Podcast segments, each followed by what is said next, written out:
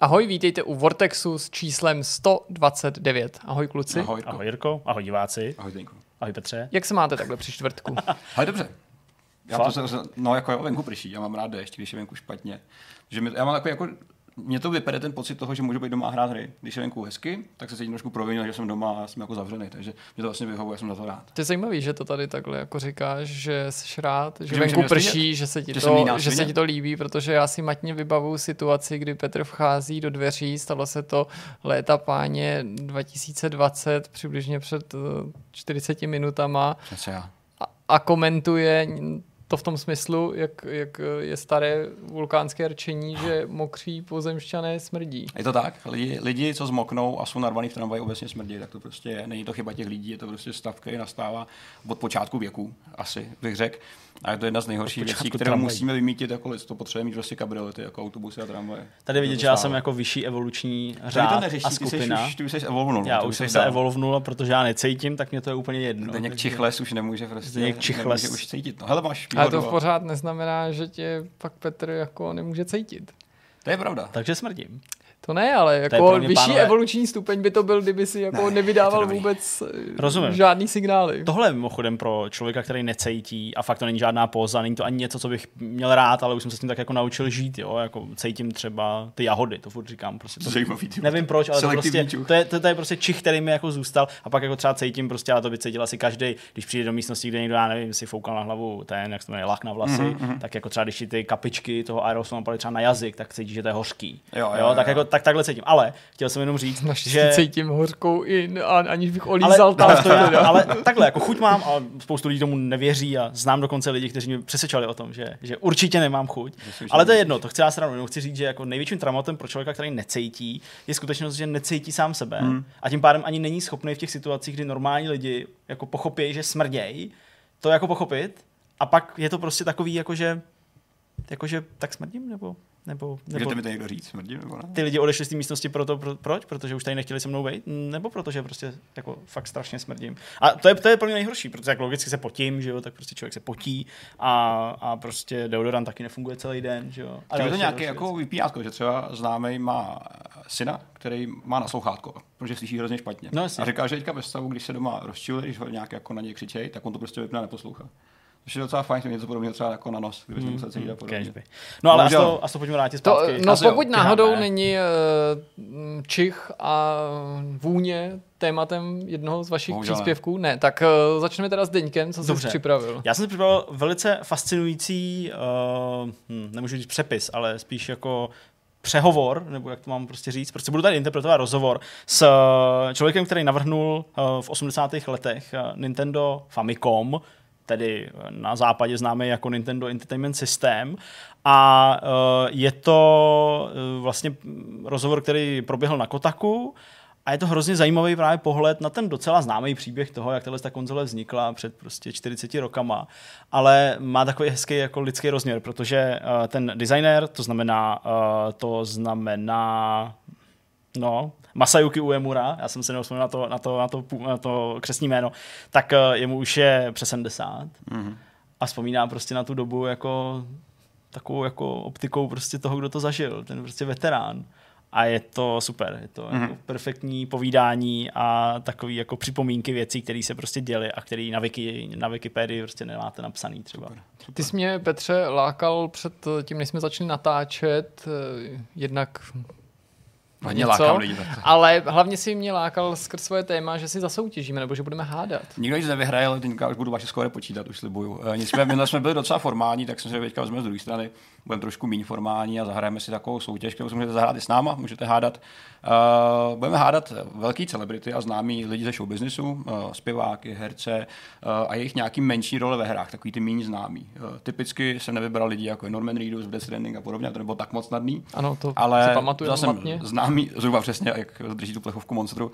A vezmeme trošku uh, z jiné strany, vezmeme prostě menší role, který třeba nebyl úplně patrný, který byly Mhm. mm-hmm. často i různě jako schovaný. Uh, přesto jsem si to je těžkého, jsou to často věci, které jsou docela čerstvé, takže i vy jste Dobře. o nich určitě psali a diváci určitě budou vědět, takže to nebude nic, nic fatálního pro nás pro všechny. Super, tentokrát budeme mít dvě témata, ale chybět samozřejmě nebude rozhovor a naším hostem byl Igor Staněk ze společnosti Nvidia, s ním jsme si bavili jak jinak než o grafice ve videohrách, nejen ve videohrách a nejen o té současné grafice, ale i o budoucnosti, pokroku potenciálním, ale dostali jsme se třeba i ke konzolím a trochu jsme vyspovídali našeho hosta stran toho třeba zda hraje na konzolích vůbec a co na ty nové konzole říká, a co třeba říká na tu technologii, která se v nich objeví, která nemusí být nutně od společnosti Nvidia a v samém závěru nás pochopitelně čeká ještě myšmaš. Tak to asi nebudeme protahovat, protože nás toho čeká dost a dost a pustíme se do prvního tématu.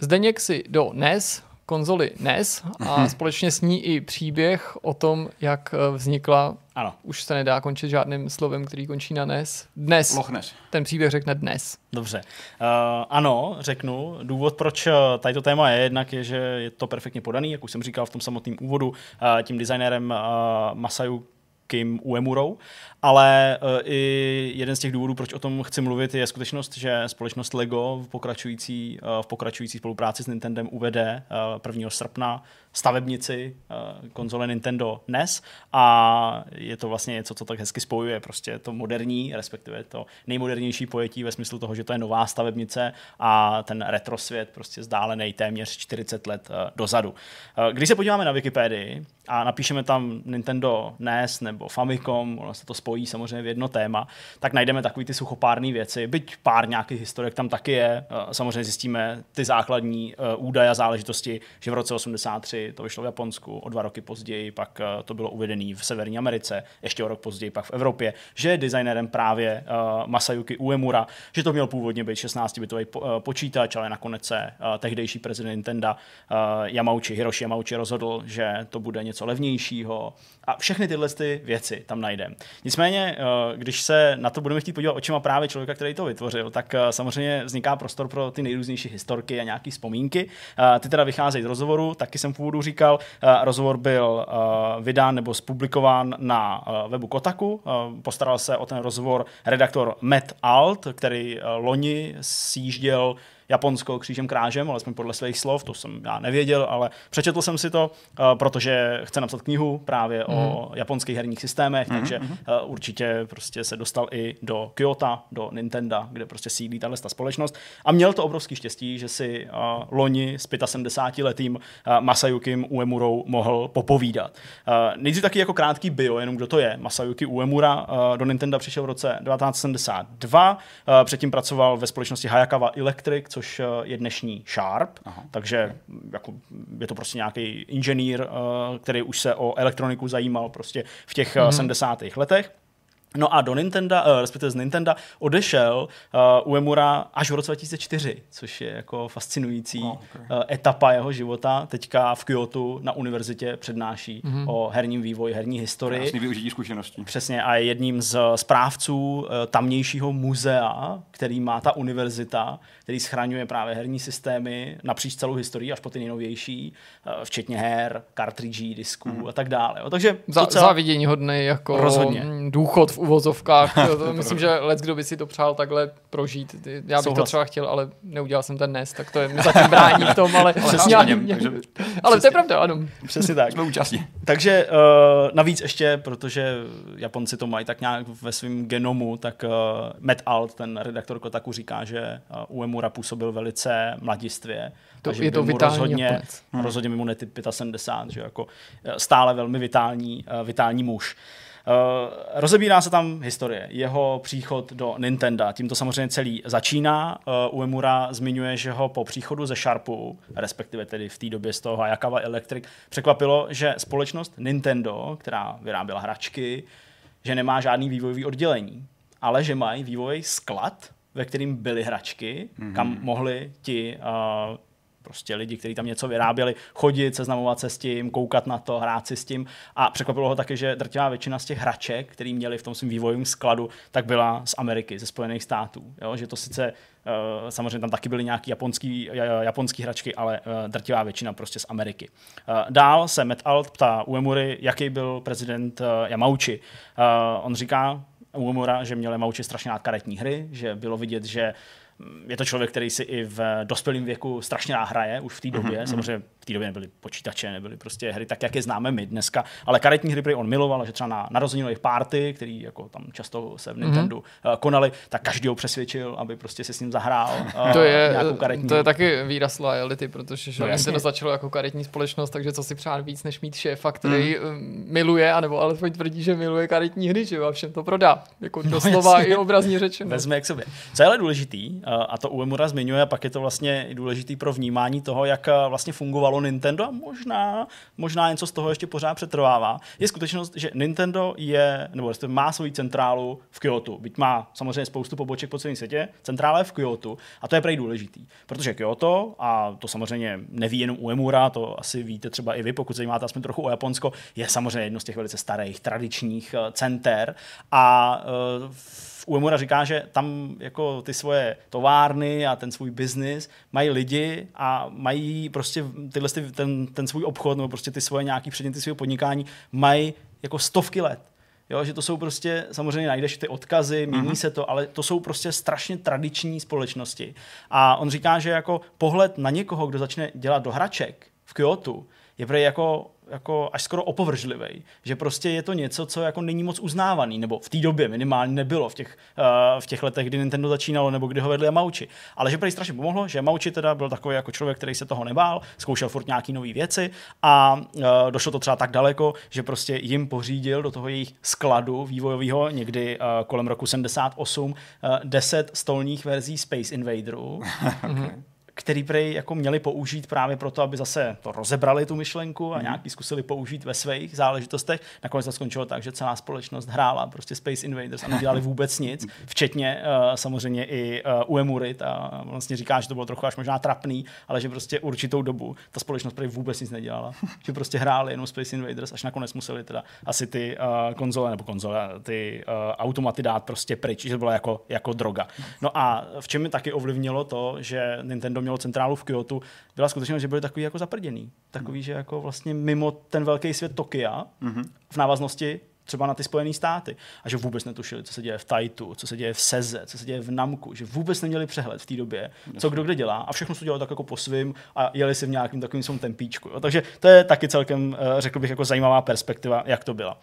Nicméně začalo se to měnit, samozřejmě tak, jak roky postupovaly a v Nintendo vznikly ty dvě obávaný uh, research and development, tedy nějaký výzkum a vývoj uh, oddělení uh, RD1, RD2, který proti sobě tak trochu soupeřili, ale Uemura do toho vnáší nový světlo a on říká, ono to za začátku vlastně jako mezi náma žádná rivalita nebyla, protože ačkoliv jsem jako jeden nějaký tým uh, vývojářů nebo prostě lidí, designérů, který má něco uh, vyrábět vedl já, říká Uemura, a ten druhý uh, vedl Gunpei Yokoi, což byl člověk, který u Emuru do Nintendo z toho Sharpu eh, zlákal, což pro žádná nevraživost nebyla, ale že pro Yamauchi do ní tak jako, jako vkročil a neustále je, je proti sobě tak trochu poháněl mm-hmm. a pobízel právě, aby ta soutěživost vznikla a Nintendo skutečně začalo plodit nějaké věci, které by jako mohly rezonovat i na světovém trhu. No a tím se dostáváme k tomu, jak tedy uh, údajně vznikl Famicom. Celý to údajně vzniklo telefonátem od prezidenta Yamauchiho, telefonátem Uemurovi uh, z baru, kdy Yamauchi byl takový trošku jako v náladě, opilej, a to prej on dělal velice často a rád, říká Uemura, že se vždycky tak trošku jako napil a pak měl skvělý nápady a volal to těm svým lidem, ať to začnou dělat. No a takhle on prostě Uemura jednou podvečer zvedl telefon, na druhé straně byl Yamauchi, Řekl mu, udělej herní systém, do kterého se bude dát cartridge, potřebujeme prostě herní konzoli, herní systém. A uh, Uemura mu jako řekl, jo, jasně, šéfe, udělám prostě, ano, jednoduchý to je. Haj, udělám samozřejmě, ale myslel si svý. Říkal, takových telefonátů proběhlo strašně moc, vůbec jsem to nebral, jo, říká Uemura, jako něco závazného, jenom jsem prostě chtěl jako šéfovi říct, že to určitě udělám, ale věděl jsem, že to jako zmizí. Druhý den, ale se to stalo realitou, protože Yamauchi ho ta myšlenka neopustila a v momentě, když už teda byl plně střízlivý a při smyslech, tak přišel za Uemurou a zeptal se ho, jestli rozumí tomu, teda, jako, že mu dal ten rozkaz nebo nějaký ten jako příkaz, aby to udělal. A on si teda Uemura uvědomil, že jo, a že teda bude muset udělat herní systém na cartridge. Aha, okay. uh, Matt Alt, ten redaktor Kotaku, se ho logicky ptá, tak jak to začalo? Co si teda jako začal, nebo co jste začal dělat jako, jako první? A uh, Uemura říká, no já jsem se nechtěl nechat ovlivňovat uh, žádnýma produktama, který byl na trhu, chtěl jsem dělat něco originálního, takže jsem si koupil všechny produkty, které byly na trhu a začal jsem je pitvat, tedy ve smyslu těch vnitřností, mm, jak fungují, jak jsou mhm, zpracovaný, z čeho bychom mohli těžit, jak bychom to mohli okopírovat. V podstatě mm-hmm. tohle řekl. Poprosil svoje kolegy z nějakých dodavatelských polovodičových továren na společností, který Nintendo s něčím dřív pomáhali, aby mu pomohli sejmout z těch čipů ten plastový obal. Mm-hmm. To prej pak normálně analogovým foťákem, bavíme se o roce nějakých, já nevím, 81, tak to nafotil, nechal si ty fotky zvětšit a všechny ty drátečky a všechny ty obvody prostě zkoumal uh, pod lupou a koukal na to a prostě řešil, jak to je. Uh, nakonec zjistil, že je to tak zastaralý, že to použít nemůže. Uh, takhle velice detailně um, zkoumal Magnavox a Atari 2600. Mm-hmm. Říkal, že to jsou prostě zařízení, které sice jako byli na vrcholu ve své době a prostě mě jako zažili obrovskou slávu, ale že pro ten další jako trošku z formy. Přesně, hmm. pro tu další generaci už by to prostě nestačilo. Takže pochopil, že teda musí jako udělat něco svýho. Jenomže v době bez internetu to bylo trochu ošumetný, protože jako těch patentů třeba v, Americe, uh, v Japonsku, který mohli na nějakou elektroniku, na nějaký čipy být, mohlo být strašně moc. A on údajně strávil 6 měsíců jenom tím, že samozřejmě za pomoci nějakých kolegů, ale převážně sám zkoumal všechny jako ty právní záležitosti, mm-hmm. ty možnosti té konzole mm-hmm. a tak dále, že objížděl různý patentový prostě úřady a, a hledal tyhle ty patenty, všechno analogově v papírech jo, a tak dále, a tak dále. Takže jako i v tomhle ohledu bych řekl, že docela, uh, docela jako mravenčí práce. Uh, tím, jak říkám, se zabýval cca půl roku a pak uh, začal tu konzoli samotnou prostě navrhovat, vyrábět a začaly vznikat nějaký první prototypy. Velký problém ale nastal s tím, když se blížili už jako v závěru, uh, už měli prostě tu konzoli hotovou, věděli, jak bude CCA vypadat, uh, co na ní bude, nebo jaký bude mít technické možnosti. Uh, třeba že Shigeru Yamamoto, prostě, uh, Miyamoto, pardon, uh, vyráběl pro to hry a tak dále, že v 85. slavný Super Mario Bros. Takže jako měli už plán, ale potřebovali to prodat, tu konzoli. A to byl obrovský problém, protože uh, herní obchody v Japonsku v polovině 80. let neprodávaly televize. A okay. herní konzoli můžeš prodat, když ji někomu ukážeš, ale ukážeš jenom tak, že ji zapojíš k televizi to a na té televizi to běží. A že bylo takřka nemožný herní obchody přesvědčit k tomu, a tím myslím herní, herní, já myslím hračkářský, pardon, mm-hmm. jo, obchody s hračkama, tak prostě nebylo možné přesvědčit k tomu, aby si jako koupili nějakou televizi a ukazovali tam nějakou konzoli. Až to bylo jako problém. A uh, nechtěli se sekat s počítačema. Jo? Takže uh, v té době prostě jako přemýšleli, jak to teda jako udělat a skloubit. A to je údajně ten důvod, proč Famicom vypadá jak vypadá. Že vypadá jako hračka. A že to prý nebyla nějaká jako mm, volba, kterou by on a Uemura učinil jako dobrovolně, ale byla to prostě nutnost. Mm-hmm. Muselo to vypadat v balení jako hračka. Řešili barevnou eh, paletu, mm-hmm. jak, to bude, jak to bude vytvořený a i tady je k tomu nějaká historka. Třeba na Wiki se píše, že je to eh, na základě barev Yamauchiho šály oblíbený, mm-hmm. ta červená a bílá nebo taková. Protože ten originál taková... je zbarvený jinak, než to ano, ano, to je, ve světě. Ano, to je důležité říct, zatímco uh, NES, jak se prodával, jak se prodával v Americe, tak je takový šedo-bílo bylo červeno-černej, tak něco tuším, ale no, je to šedá barva, šedá prostě. barva mm-hmm. tak uh, Famicom byl bílo vínovej, nebo mm-hmm. já nemám asi ten jemnocit úplně, ale prostě nějaký odstín červený. A uh, říkám, traduje se, že to teda bylo podle uh, barev šály uh, Yamauchiho, ale Uemura k tomu dodává, že možná, nicméně uh, hlavním impulzem, proč zvolit tyhle barvy, byl prostě billboard na dálnici společnosti DX Anténa, který prostě byl červeno-bílej nebo vínovo-bílej a uh, Jamauči, když uh, míjeli v autě jedouc prostě po té dálnici, když to uviděl, řekl, to jsou, to jsou naše barvy, tyhle použijem. Tak uh, takhle jednoduchý to, to asi mělo být. Dneska to potom funguje podobně. No a když uh, přišli na ty barvy, přišli na to, jak to má vypadat a byli teda schopní to v pestrobarevném obalu uh, narvat prostě do hračkářství a nechat to ty hračkářství prodávat, tak se dál zavrtal Uemura se svým týmem prostě do svého R&D 2 oddělení a věděli a řešili, že prostě ano, tu konzoli budou chtít prodat i jako ve světě, pokud by měla úspěch, na ten jako čekali. A ten údajně přicházel, to se Uemura dozvídal z hora, ale že se jako na začátku neuvědomoval, jak velký úspěch ta konzole mm-hmm. uh, na trhu zaznamenala, nebo zaznamenává. A že poprvé si to uvědomil až v momentě, kdy se jim začaly úplně brutálně množit reklamace těch zařízení. Okay. To neznamená, že by to zařízení bylo jako a priori špatný nebo poruchový, ale uh, spíš to znamenalo to, že si ho koupilo tolik lidí, že se to v tak obrovském množství rozbíjí mm-hmm. a mhm. ty lidi samozřejmě žádali Nintendo o nějakou opravu mm-hmm. nebo, nebo o zaslání prostě nějakého jiného funkčního kusu. A právě v tu chvíli on si uvědomil jako, aha, Tak to asi jako lidi fakt jako zajímá a baví. A i to byl údajně teda impuls, proč se chtěli uh, s tou konzolí vyšvihnout i prostě na tom, na tom západním trhu. Uh, nicméně i v tomhle, v tomhle momentě nebo v tomhle bodě on zmiňuje, říká, že tím důvodem samozřejmě jako byla popularita v Japonsku, ale taky pravidlo, který Yamauchi razil a který se podle Uemury, ale ověřit to nedokážu, uh, údajně stalo nějakým jako standardem, nebo minimálně prostě v té době standardem uh, pro společnosti, které vytvářely nějaký zábavní mm. herní systémy mm. a to, že ten úspěch trvá jenom tři roky. A oni jako nechtěli to prováhat, a proto s tím spěchali tak strašně rychle mm-hmm. na ten mhm. americký trh, aby jako tam si odstartovali ty svoje tři, uh, svoje, svoje tři roky. Uh, skutečnost je taková, že Famicom se vyráběl, uh, tuším do roku 2004, se vyráběl v Japonsku pořád, ačkoliv samozřejmě uh, dodávání mm. NESu jako takového nového mm. uh, na americký trh skončilo mnohem dřív, tak v Japonsku ta konzole byla pořád velmi populární. Takže uh, to byl ten důvod, no a pak samozřejmě zmiňuje to, co už jsem tady naznačil, a to, že jako ta, ne snad největší, ale opravdu velká vlna popularity přišla v tom roce 85, když uh, vyšel Super Mario Bros a kdy prostě se podařilo podle Uemury snad poprvé ve hrách, nebo Super Mario Bros. byla jedna z prvních her podle něj, která dokázala spojit uh, rostomilou postavičku s rostomilou hrou na právě jako domácí nějaký herní systém a že to prostě znamenalo určitý, uh, určitý průlom. Aha. Uh, co je ale nejvtipnější, tím už to ukončíme a uzavřem, on říká, že po tomhle masivním úspěchu Famicomu a Nintendo Entertainment System se vlastně pro něj nic moc nezměnilo, nebo pro něj alespoň. Říká, o, asi se možná dostal trochu vyšší plat, ale prostě pořád jsme zůstali taková ta zaprděná společnost Kyoto. To je hezký. To je super. To, to je hezký, to je hezký. Tady ty příběhy jsou hrozně fajn, protože mě fakt baví vidět tyhle ty legendy, které vlastně žijou do dneška, jsou v tom volně nějak aktivní. Když už třeba hmm. sám nevyvíjí, tak pořád se v tom ale pohybuje a jsem si jistý, že má nějaký velký rozlet. A to mě třeba zajímalo, co si takový člověk myslí o nových technologiích a kdyby to třeba viděl, jak to funguje na pozadí. Nedávno jsem viděl právě povídání, kdy se dva lidi bavil, byl to jeden, byl to veterán z druhé světové války a voják z Afganistánu a měnili mm. nějaký názory. To je něco na YouTube, že nějaká série. Nějaká série. Je tam hrozně hezky vidět jako ten rozdíl v té době a všem. A byl věcí třeba porovnat vývojáře dnešní a tady ty staré legendy, které jsou jako takhle jako tak to už jako zkušený a současně se chápu, že se, když se tomu nevěnuješ do hloubky, tak to už dneska nedokážeš ani jako asi možná ocenit, hmm. nějakým způsobem jako zhodnotit. Takže hrozně pěkný příběh a ta civilnost toho všeho je na tom prostě fajn. A vlastně z toho dýchá to Japonsko, taková ta civilnost a, a jako až, až, možná trošku jako pokora, že? když vlastně ten člověk může vlastně jako arrogantní blbec, který bydlí v paláci na někde, nebo na jachtě, ale Paláci jako ve tvaru nesu. Ve tvaru nesu, nesu. Jak tak Nech, nechci se chlubit, jako, jako když jsem měl docela takový úspěch. Ne, nes, nes, chci se, nes chci se chlubit.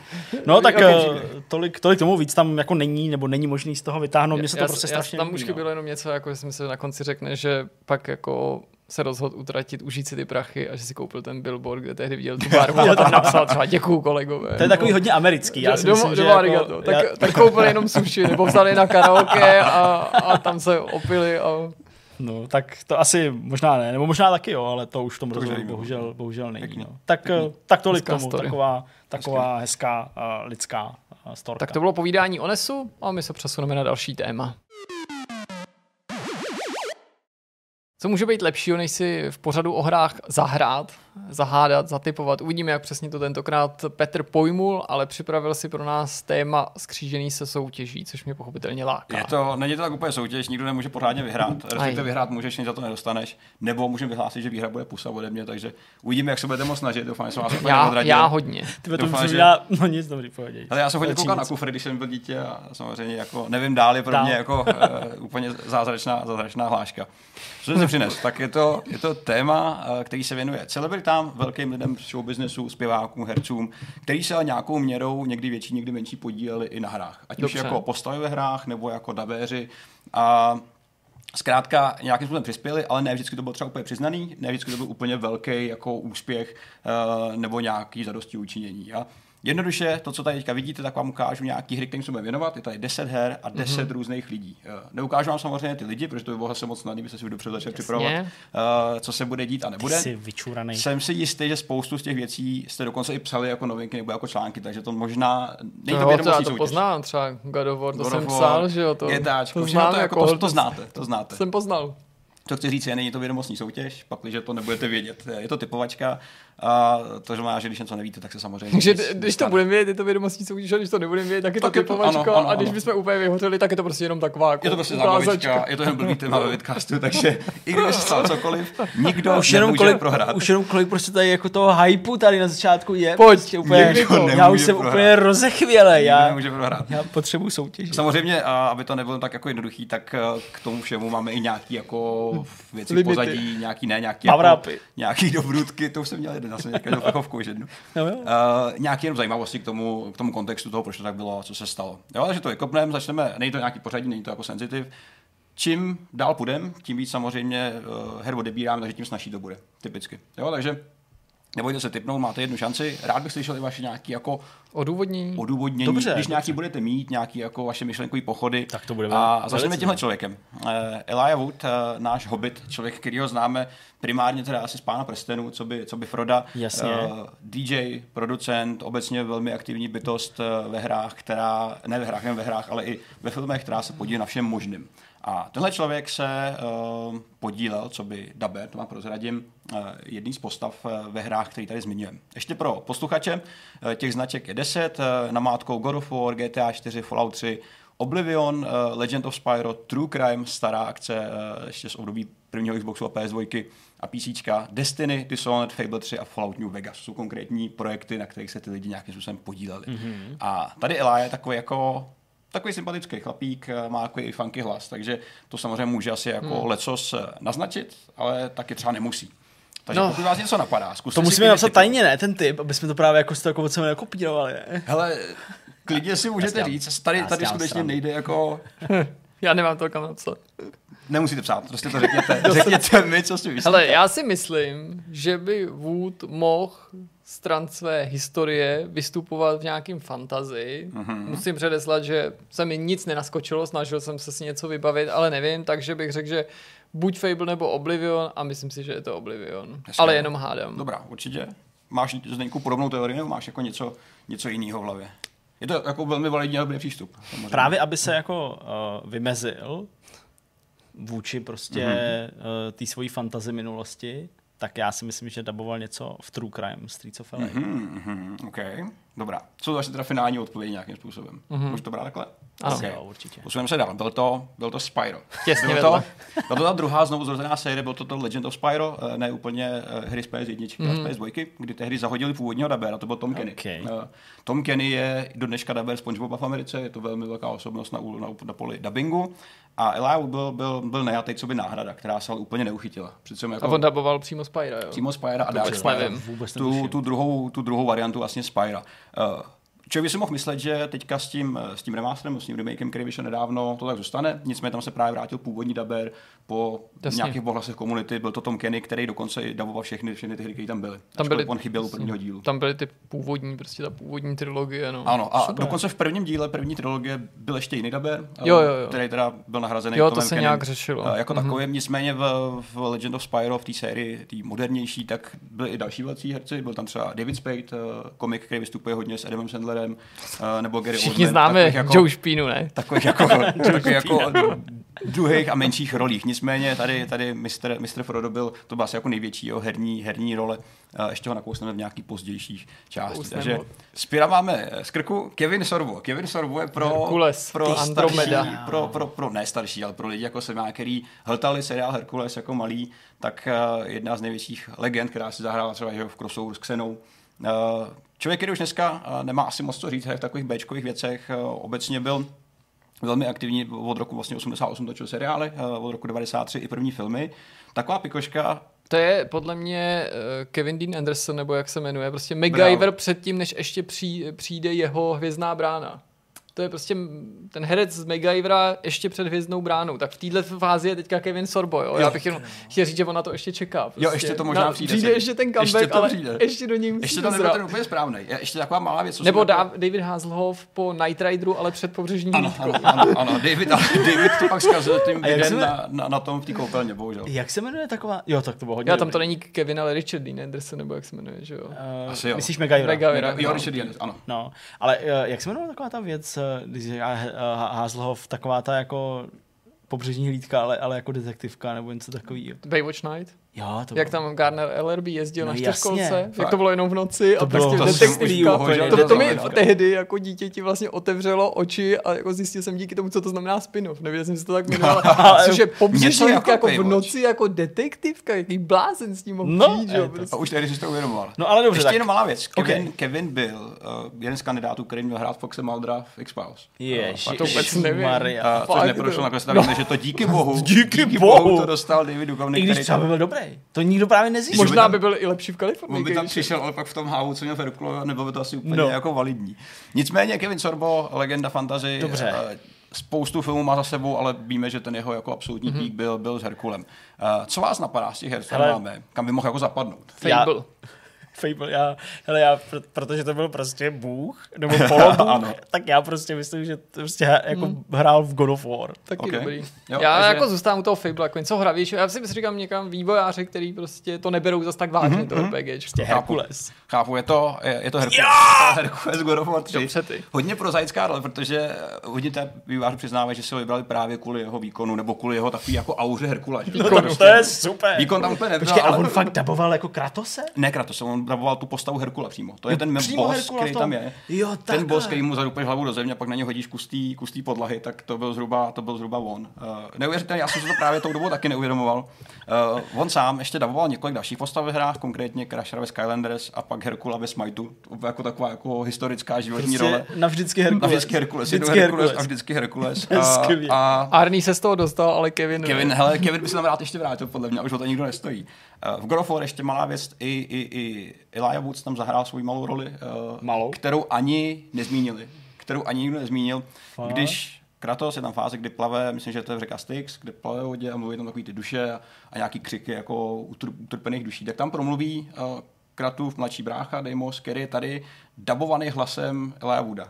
Ještě jako v té malé fázi, kde je to vůbec jako, prostě je, to jen jenom, tak. je to výkřik, je to jenom výkřik v podstatě nějakých slov. Takže uh, se vrátil, ano, přesně.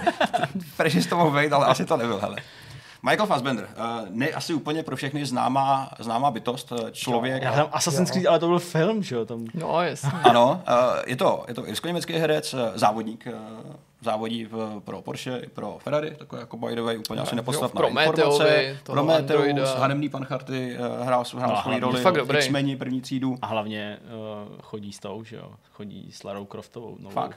S Alicí Vikander. Jo, to ani nevím. No, Já to nesleduju oni jsou vůbec. spolu jako- Psali to v bravíčku. Ten se má. Bylo to ten v má- poradně. Ten se má hodně teda. Nicméně jeho první role, i od který se začal mít jako docela Ten dobře, tak má. byly Bratrstvo neohrožených. To byla vlastně jeho první role, kde hodně vystoupil. Bratrstvo neohrožený? Jo. Jako v Band of Brothers od HBO. Přesně a co tak. tam hraje, tam nehraje. Hrál tam tu jeho první role. To první A co by tam Já hrál? vím, že tam hrál Jako tam hrál. To se musím pak Fakt. podívat, to bych vůbec neřekl. Já ten Klidně, seriál klidně. znám a vůbec si tohle. Jako pravda, že tam třeba pak jako jsem zpětně v některých jako filmech nebo seriálech jako, jako si řekl, ty jo, tenhle hrál prostě v Bratrstvu, ale protože Bratrstvo samo už je docela starý seriál, Já že tak, jsem- tak ano. jako ty herci prostě zestárli, ale On vypadal extrémně jinak za prvý. A to, co čím trpí ne. i ta hra, ve který on, on, on hrál, Nám tak eh, je určitá unilost. A to je to, co by vlastně hráči vytýkali jemu v té hře samotný, proč vlastně on neuspěl nebo se neosvědčil jako člověk, člověk ve hrách. Jo, a to ono je- to mi těžko napovídá právě toho portfolio, protože to je scifárna, uh, válečná věc, uh, pak samozřejmě jako jeho aura takového jako dost, uh, nechci říkat jako neutrálního člověka vlastně, vizuálně i, i projevem. Tak která z těch her, uh, teoreticky, které z těch osmi, co nás bývá, ne, kam by se nám třeba hodil? Nějaký, tady to je opravdu jako těžký já typ. jako váhám Dishonored a Fable třeba, nebo něco takového, Mhm. ale říká, že tam byl jako unilej, jo. Mhm. A já fakt prostě přemýšlím, jako, Jako se hodně kritizoval unilej výkon Ghosta v Destiny, ale toho nedaboval to ne, moc. to byl Mhm. ten, že jo, jak se jmenuje, malej Tyrion. Uh, Peter Dinklage. Mhm. No, Myslím teda. Nebo jestli jo, to nebyl myslím, ten, že co jo, pak nahradil? Byl, no, Já vím, že tam tak nějak buď tak, jako anebo... ten dubbing nějak Ne, nahrazoval, asi byl že jo? první, no. Nahrazoval se, no. Hmm. A i zpětně. Hele, já, já nevím, já ho vidím a vybavuju si ten film Shame nebo Stud, nebo jak se to jmenuje, jak tam prostě, To možná taky byl. ano. To ne... ale, ale tady je to opravdu jako těžký typ. Tady Je to Tady větší to- role nebo menší role? Větší, menší, no. Jako je Jo. součástí nějaký hlavní linky příběhu, ale není to nějaký velký, velký zásah. Hele, to by klidně mohla být True Crime. Klidně. Ale taky by nemusel. Hele, já si, já si, já si typnu, že, hele, já si, já si, fakt těžký. já To si, já si typnu, že toto, že to je Dishonored. OK, Dishonored. To je true crime. no, myslím si, že to byla chyba, ale Pojď, ještě, ještě. Já jsem to dal hned na poprvé a bylo to chyba. Ještě šanci. Si Wood to nebyl. True crime, já stejně nevím. True crime, ok, nevím dál.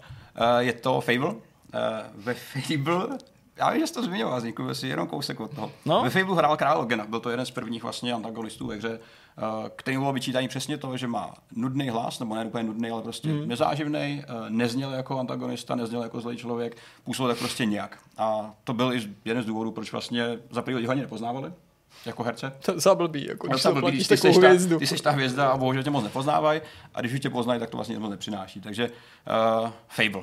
Uh, sedmý. Peter Dinklage, vy už jste to trošku nakousli, tady jsme si Tak trošku... tam je to bod pro, tady pro nás, pro oba. Pod, pod oba, ale nahradíme to tím příběhem zatím, který už není třeba pro lidi úplně, úplně známý. Uh, Peter Dinklage byl první daber uh, Ghosta, toho robota v Destiny. Tak on byl ten první, jo, ten jasně. první, on byl první. Uh, v roce 2015, vlastně s třetím rozšířením, přišel velký obrot, uh, kdy Ano. se Petra zbavili uh, a nahradil ho Nolan North, co by profík, Drake a, A nadaboval to i zpětně. Takže A přesně zpětně vymazali všechny věci po, po Petrovi a nahradil to, to, to Nolan z důvodu konzistence. Bylo by divný, kdyby nějaký ty hlasy byly prostě uh, původního herce a, a jiný zase někoho jiného. Někdo si myslel právě, že to bylo kvůli nějakým jako vlivům lidí, který kritizovali jeho výkon, který byl údajně taky unilej, jak jsme říkali, předtím byl prostě takový nezáživný, odtržený od, tý, od toho příběhu. Uh, skutečně se taková vývojář to upřesnil vlastně o někdy o rok později, kdy to zkrátka bylo kvůli časovým možnostem. Uh. Peter byl těžce a je, nebo teď už není, ale byl těžce angažovaný v eh, Game of Thrones, ve hře o trůny a nebyl připravený na ten, co, co vlastně přímo uh, slova vývojářů, na, na ten takový ten rychlej iterační vývoj, kde potřebuješ někoho na půl hodiny, aby něco nadaboval, pak zase odešel, pak se zase vrátil. Destiny a se rozrůstá neustále, A nejen v Destiny rámci těch velkých cyklů, ale Přesně tak. no. A zmínil třeba případ, kdy, kdy potřebuje prostě pro nějaký interní testík, já ne třeba dva, tři nějaký jako žvásty, jenom aby něco přišel, nadavoval, bohužel ani to nebylo dostupný. Takže se zkrátka rozhodli po nějaký jako zdravý víře, že už že, že to nefunguje a uh, postupně ho teda vyzmizíkovali. A to muselo být pro ně fakt strašně těžký, že? protože máš to na tom herci do určitý míry postavený Jo. přes tu kritiku, je to jako hvězda, už si to lidi za ten rok, dva s ním spojili Ano, jasně. a pak prostě musíš udělat do toho takovýhle radikální zásah. Z toho vlastně jako neoblíbeného herce se stal najednou mem, eh, kdy i vlastně Bungie vydávalo trička, že jo, eh, právě na motivy Peter Dinklage a Ghosta a dokonce nich vydělal pro nějaký peníze celkem solidní, takže uh, asi to hodně spojilo jako, jako tu problematickou fázi vývoje, kterou jako si Bungie procházel na začátku a uh, už si nějak sedli, už je to asi, už je to asi dobrý. Uh, Snoop Dogg, tady je to True crime. Crime. True crime. Ale kdybys tam měl toho Spyra, tak ti řeknu, že Spyro, protože jak někdo tehdy poznamenal z našich diváků, prostě Snoop pálí nejlíp, že jo? Proto se Snoop stal, se stal tváří teďka toho nového dílu. Já asi není úplně důvod jako přestat Snoopa, to je taková dlouhodobá bytost a legenda rapu a všeho možného člověk, který dělá vlastně všechno filmu. Počkej, ale. Tak uh, Nebyl v GTAčku? Pořád je to otevřený. Já ještě trošku jako nějaký ještě do budoucna k tomu řeknu. Jeho vlastní jméno, který já jsem se dozvěděl dneska. Uh, No. On se jmenuje Snoop Dogg, teda, jak jsem si jako dlouho A to je škoda. Zklamání. Jeho reální jméno je Kelvin Cardozar Brodus Junior. Uh, je to třímeňák takzvaný. Ještě, ještě junior, kdyby si chtěl, tak čtyřmeňák. Nicméně on sám používá několik eh, přezdívek. Tady, tady je samozřejmě ta nejznámější a ta největší. On byl nějak i Doggy Dog. No jasně, hele, hele, DJ Snoopadelic, Nigarachi, Snoop Doggy Dogg, Snoop Lion, Ty vole, já jsem se tady bál prostě říct, ty vole, že Snoop Dinklage Zilla. mi ta role přerostla přes hlavu. Snoopzilla a Nemohoust, takže hele, Jenom eh, člověk, co vydal 17 alb a hrál v celkem 70 filmech a televizních seriálech, což je na uh, hudebníka docela dost. To je to člověk, Já ho v něčem i viděl a překvapilo mě, že je docela dobrý. On překvapivě Takže není vůbec v špatný. takových jako, těch odlehčených jako věcech prostě s dalšíma prostě bratrama je jako Jo, jo, jo. vtipnej. Tam mu to sedí, ale teďka teda jako vaše odpovědi finální. Ty vole. Já jsem dál pro True Crime. Jo, Já přemýšlím A prostě. on je někdy pak ve Falloutu, že jo, v Oblivionu. ne? ta teorie samozřejmě není špatná, jako GTAčko je taky místo, já objevují drogy já a přemýšlím jako právě jako, jestli tam byl nějaký takovýhle, já vím, že jo, v San, v San Andreas byl ten, ten rapper a to taky jako Kdyby tam bylo to no, San Andreas, tak je to možná jako San Andreas byl, že jo? No ne, no asi, asi, to, asi to bude True Crime, ale já tě zábava, tak já řeknu Grand Theft Auto 4. Jo, OK, tak tentokrát to má Jirka, ten bodík, je, No, to, je, to, je to true crime. a Je to true crime. Ta role, Ježiš, jak on tam byl, no přišel- jasně, no on teď on tam byl, já jsem o tom psal, Já že to je ty mezi těma nejslavnějšíma kameama. On tam byl Aha. komplet, on tam byl komplet. Eh, To, jak k tomu přišel, vlastně docela zábavná story, protože on nahrával několik jako exkluzivních songů pro True Crime. Mhm. Mm-hmm. True Crime jsme vysvětli, je open world akce, která se snažila tak nějak zautočit na GTAčko. A stalo se z ní s Sleeping Dogs, mimochodem. Ano, Respektive ano, ano. jejím dalším dílem Dva byl díly Sleeping Dogs. byl Dogs. Sleeping Dogs. A Snooping Dogs to byl tady. A hra, která vlastně v LA, jak už to jako ten název napovídá, a Snoop tam zahrál sám sebe. A role, uh, tak jak ní přišel, tak eh, je skrz společnost Vibe Squad, která zařizovala soundtrack uh, pro, pro hru. Ať už originální songy, tak i mix těch už stávajících. A Oni měli údajně tou dobou velmi dobrý vztahy se Snoop Doggem, který mu ukázal ten nápad a hru a jemu se, tím, že je to hráč, líbil celý ten mm-hmm. setting, tak mu nějak formálně nabídli tu roli a on to prostě vzal.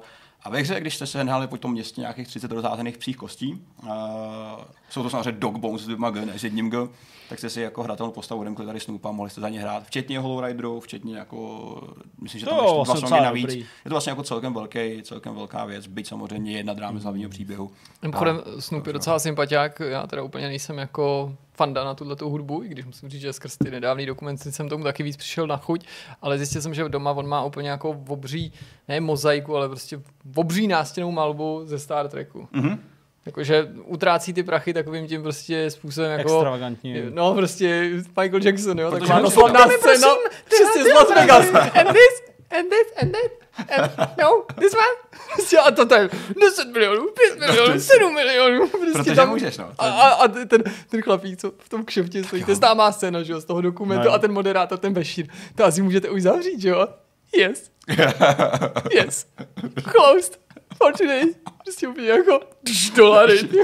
Michael Show si nakoupil. Mně se líbá ta scéna, uh, když byla předváděčka EA, tuším během trojky, když se odhaloval Battlefield 1, tak tam měl ten velký otevřený jo. test a oni se ptali Snoopa, že jo, Snoop, budeš taky hrát, jo, jasně, a, a máš nějakou, nějaký speciální trik, jo, mám tenhle ten power up, hnedka už, už začal balit a tahat.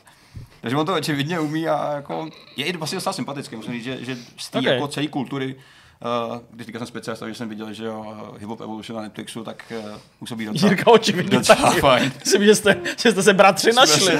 my, my tomu už teďka prostě totálně rozumíme. Jo.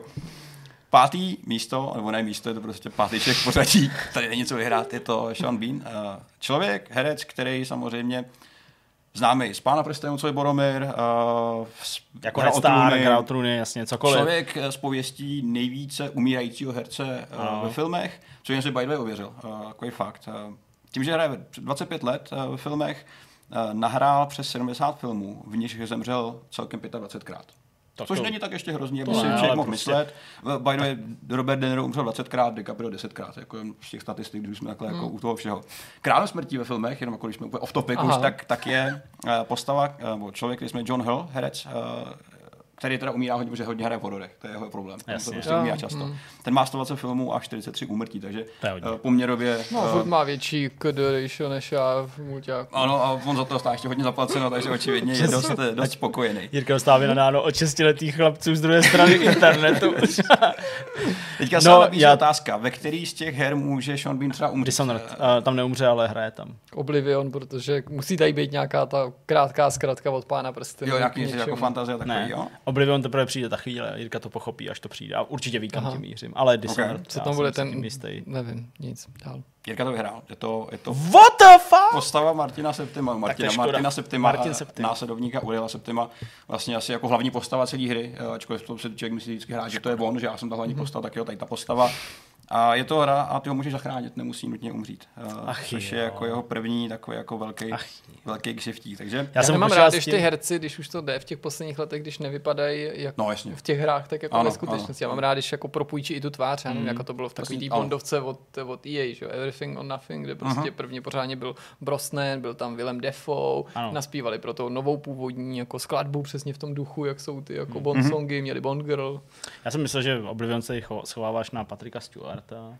To tam taky byl. To je jeden z důvodů, proč vzal tu roli údajně, eh, když mu nabídli tehdy krátká.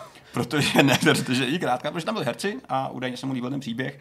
A to byl jako jeden jako jeho takový impuls, proč to prostě vzít Ečko, v tom vlastně já pořádku nevěřil. Já si úplně pamatuju prostě ten začátek toho Oblivionu, jak tam prostě Patrick Stewart úplně It's the last day of seed, nebo něco takového, prostě toho, toho měsíce and the end of end of Akatosh. Jo, jo, Akatosh, prostě. ano.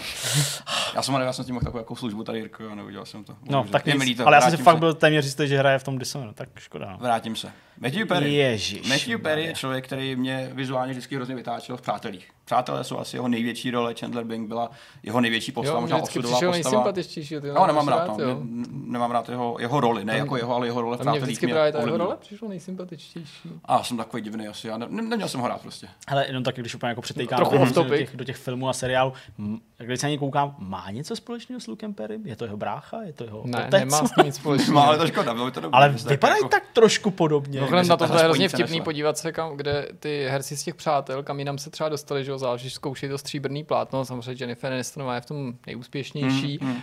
Ale třeba u něj si vybavím jenom Můj soused zabiják 1 a 2, kde jednoznačně hraje ne druhý, ale třetí housle, Mhm. protože tam to přehrává že Bruce Willis i ta jeho manželka. Manda Pete. A mám pocit, že i, i ten David Schwimmer, nebo jak se jmenuje, že Ross, že je úspěšnější, Ten- že, má, že měl víc záseků, i když teda taky asi ne úplně v nějakých jako super hitech. Pochopil jsem, že, že Matthew Perry, ačkoliv má na kontě přes 15 filmů a nějakých 45 televizních show, ve kterých se nějak více či méně angažoval, uh, minimálně podle nějakých jeho kariérních výsledků, tak uh, se hodně soustředí na divadlo, který je třeba mě úplně cizí, takže tam ho absolutně míjím. Ale je Nešel to si taky člověk, který jako zbral jako, jako zajímavý výpis her. Fallout 3, GTA 4 Dishonored a Fallout New Vegas. A upřímně, kdybych to viděl, tak si jako ho nedokážu zařadit Ne, kamkoliv. to je pro mě prostě což je úplně... prostě jako velký, Hele, já velká myslím- typovačka. Hele, já myslím, že není v GTAčku a bude to jeden z Falloutů. To si taky. A myslím, že to bude New Vegas. Tak Ok. a řeknu trojku, protože Ok. jsem si taky říkal jeden z Falloutu. Tentokrát má teda pravdu Zdeněk, eh, je to Fallout New Vegas. Nice. Hraje roli Bennyho. Benny je vlastně jeden z prvních lidí, který, Very nice. který potkáte a který vás Very zabije. nice. Tak to je Eh, nice.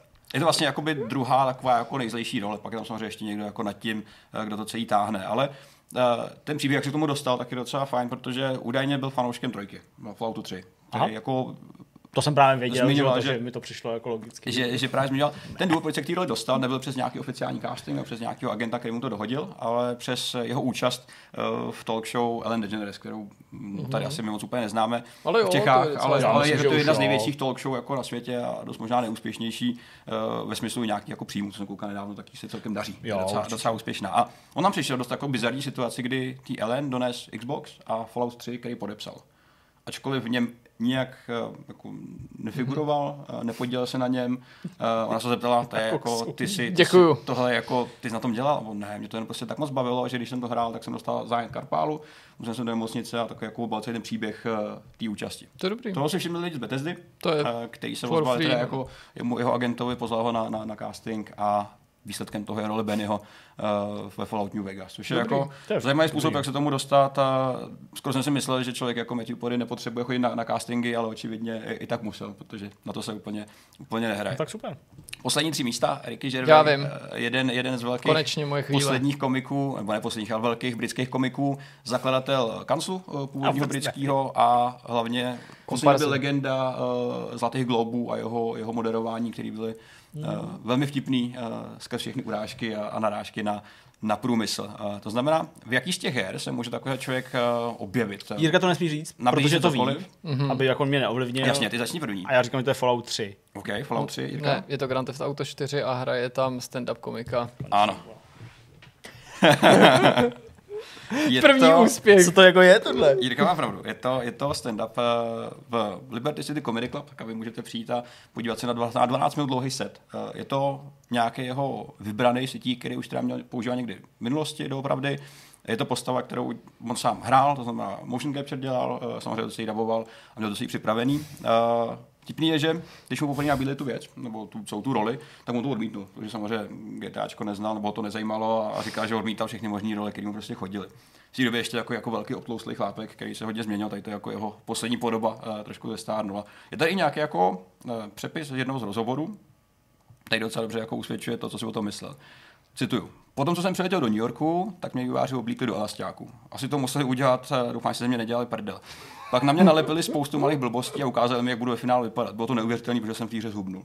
A samozřejmě je to jako reago- reakce na, na motion capture. Motion capture, jasně. A takže 12 minut eh, dlouhý setík je na YouTube, můžete se to podívat. Eh, Je to vlastně překvapivě dobrý, je to vlastně dost jako když pominu samozřejmě tu technologii a nějaké omezení vizuálních, tak velmi podobný tomu, jak on vystupuje doopravdy a je to i docela vtipný, protože se tam naráží na tlustý lidi a to samozřejmě se jako nikdy neomrzí, to je vždycky dobrý. A důvod, proč vybral ten, ten, ten, bit, proč prostě si vzal na pašká tlustý lidi, tak je údajně jeho vysvětlení, že to je univerzální, že tlustý lidi jsou všude. Jsou v Británii, jsou v Americe, jsou po světě. A tím pádem neřeší nějakou politiku a takové jako věci kolem. toho. Evil. Poslední dvě místa, ty samozřejmě ukážeme dohromady a tím pádem to trošku zjednodušíme. Uh, Liam Neeson a zestnulá Carrie Fisher, Carrie Fisher uh, která teda v roce 2016 bohužel zemřela. Uh, dvě rozdílné postavy, uh, dva rozdílní herci.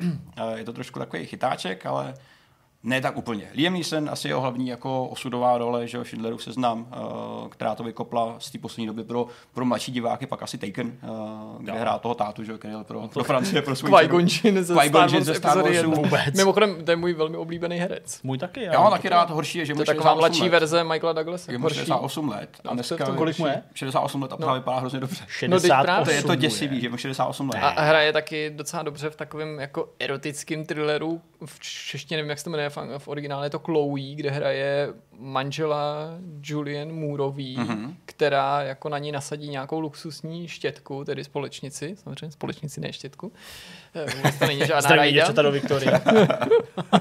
Ta, ta, ta by, ty by se nechytli, zřejmě. Nevím, castingem. Adam, nebyl jsem tam, zřejmě. No a víc vám nemůžu k tomu filmu prozradit, protože by to byl byl spoiler. spoiler, Ale je to ok. hrozně dobrý film. Ah, Má řád britského impéria, by the way, což je taky, jako je to, se- že jo. Další rozdíl Ir? oproti nám. Je to Ira. A hraje toho, že jo, uh, v... On hraje v takovém tom statečném srdci druhým. V tom, v tom méně známým. mm, Rob Roy. To taky, ale já jsem myslel, že hraje Aslana v tom, že jo, v... v Jo, jo, Narny. Narny. Jo, jo. To je dost možný. Jo, máte myslím, že pravdu, jo. máte pravdu. Uh, Výborně. Ale A výborně. nějaký hry, ve kterých Nějak vám to hraje? úplně nepomáhá. No dobře, tak- ještě, druhá, ještě druhá strana, Carrie Fisher, netřeba si představovat princezna Leia ze Star Wars, asi je jako největší role všech dob. Co se týká her, tak, tak Carrie se úplně neangažovala v hrách. V historii dabovala pouze tři, nebo účinkovala hlasově ve třech hrách. Jsou Byly Star to Wars? Lego Star Wars, mm-hmm. um, pak to byla mobilní, mobilní hra, uh, to bylo tuším Family Guy, nechci se úplně mm-hmm. plíst, mobilní jako nějaký cartoon. A třetí hra, jedna z těch, jedna z těch dvou. A je to, uh, ten příběh jako za, za těma rolema docela fajn. Zkuste si typnout, je to už teďka vlastně jako, Hele. počkej, je to rozhodující? No ne, Jirka vede 3-2. Ne, já prostě, vůbec no. nemůžu víc říct, já jsem věděl Jirka vede o jeden. Jirka vede o jeden To bod. říkám, je to 3-2, to vím. Jirka vede o jeden bod. Tak to jsem nesledoval. Hele, já si myslím, že Liam eh, v Dishonored a Carrie Fisherová ve Falloutu. Já to mám stejně. Sdílíte? Hmm. Okay. Tak je to na bobách. Je to přesně opačně. Hmm. Mm. Vynikající. Liam Neeson, Fallout 3, hrál Jamesa, vašeho tátu, eh, který ho potkal na začátku, pak po asi 30 hodinách v půlce hry a pak po dalších 30 hodinách na konci. To znamená, že ho moc ho nevidíte, ale je to, je to, je to váš, váš táta, role, kterou si um, vybral tak nějak ad hoc, eh, nebylo to úplně jako odůvodněný nějakým jako výrazným způsobem. V roce 2008 8 byl ve Spike Video Game Awards nominovaný na jednu um, v jedné kategorii na, za jeho výkon. Samozřejmě přeskočil Kiefer Sutherland uh, za Call of Duty World at War a v roce 2008 vyhrál celkou kategorii dabéru herních Troy Baker za Last of Us, takže tam už ty, jako ty, ty následky byly docela veliký. No a Kerry? Koho tam Fisher, hrála? to je to nejvtipnější na tom všem. Ona nehrála vlastně nikoho. Carrie Fisher měla pár, pár jako řádků eh, textu v Dishonored a je to dost jednoduchý, protože Tak když je hrajete? Dishonored, když hrajete ten, ta fotka, kterou vidíte, tak je, tak je ten tlampač, je to prostě nějaký jako obyčejný rozhlasový systém. Ježišmarja, ona A- dělá ty hlášení? Ve To je hře, její hlas? když chodíte, tak eh, v původní, v první, v první půlce hry slyšíte normální mužský hlas, eh, je to nějaký hlásičky, kde potkáváte. V jedné z misí, která se jmenuje teda Return to Tower, pokud se nepletu, já už jsem to hrál dávno, takže nedokážu úplně říct. Tak vy můžete zabít jednoho specifického úředníka, který tam chodí, a to je právě ten člověk, který dělá to hlášení. V druhé půlce hry, když se vrátíte do města, tak toho člověka nahradí ženský hlas, a to je právě Kerry, která byla použitá tehdy pro, pro tady ten dubbing. Úplně No to je ještě role. úplně schovaný, jako si... podmíněný tím, že musíš něco udělat. Nepo, nepoznal by si vlastně velká šance, že by si vůbec ani jako nespustil tu, tu interakci a bohužel teda byla jako extrémně schovaná, což je o to divnější, protože ten ensemble herců, když jsem byl jako už takhle velký, jenom zmíním uh, Susan Sarandon, uh, která hrála uh, Granny Rex, uh, vy, se, nevím, jestli jste hráli kluci Dishonored. Já jsem hrál, ale těch- si ty postavy, ale když mi to popíšeš, tak asi jo. Uh, Granny Rex byla ta stará bába, která se potovala na ulicích, nějaká poločarodějka, taková Aha, jako dost Ona tě učila něco s těma přesně s krysama. těma amuletama, s těma krysama jsem na začátku úplně. Jo, já si jo, vím, no, v jednom z těch taková podzemí, jako, no. Vím. přesně, ano, je taková jako hnusná role. Uh, Chloe Grace Moretz, dneska uh, už dospělá vlastně 23 letá herečka z Kikes, kterou znáte, ona hrála Emily Colbin, ještě tu malou, malou holku tehdy. jo, jo. Trošku překvapivě nehraje ve druhém díle uh, dospělou Emily Colbin, za kterou hrajete. Důvody neznámý, bohužel. Uh, Brad Dourif, uh, vynálezce Piero, herec, který u nás není úplně známý, ale když jsem se podíval na jeho portfolio, tak hrál snad ve všem, nějakým způsobem se podílel, vlastně, ať už hlasově nebo, nebo, nebo uh, svojí postavou. Uh, John Slattery ze seriálu Mad Men, uh, herec, který, uh, pokud jste neviděl Mad Men, tak ho asi úplně jako nezaznamenáte.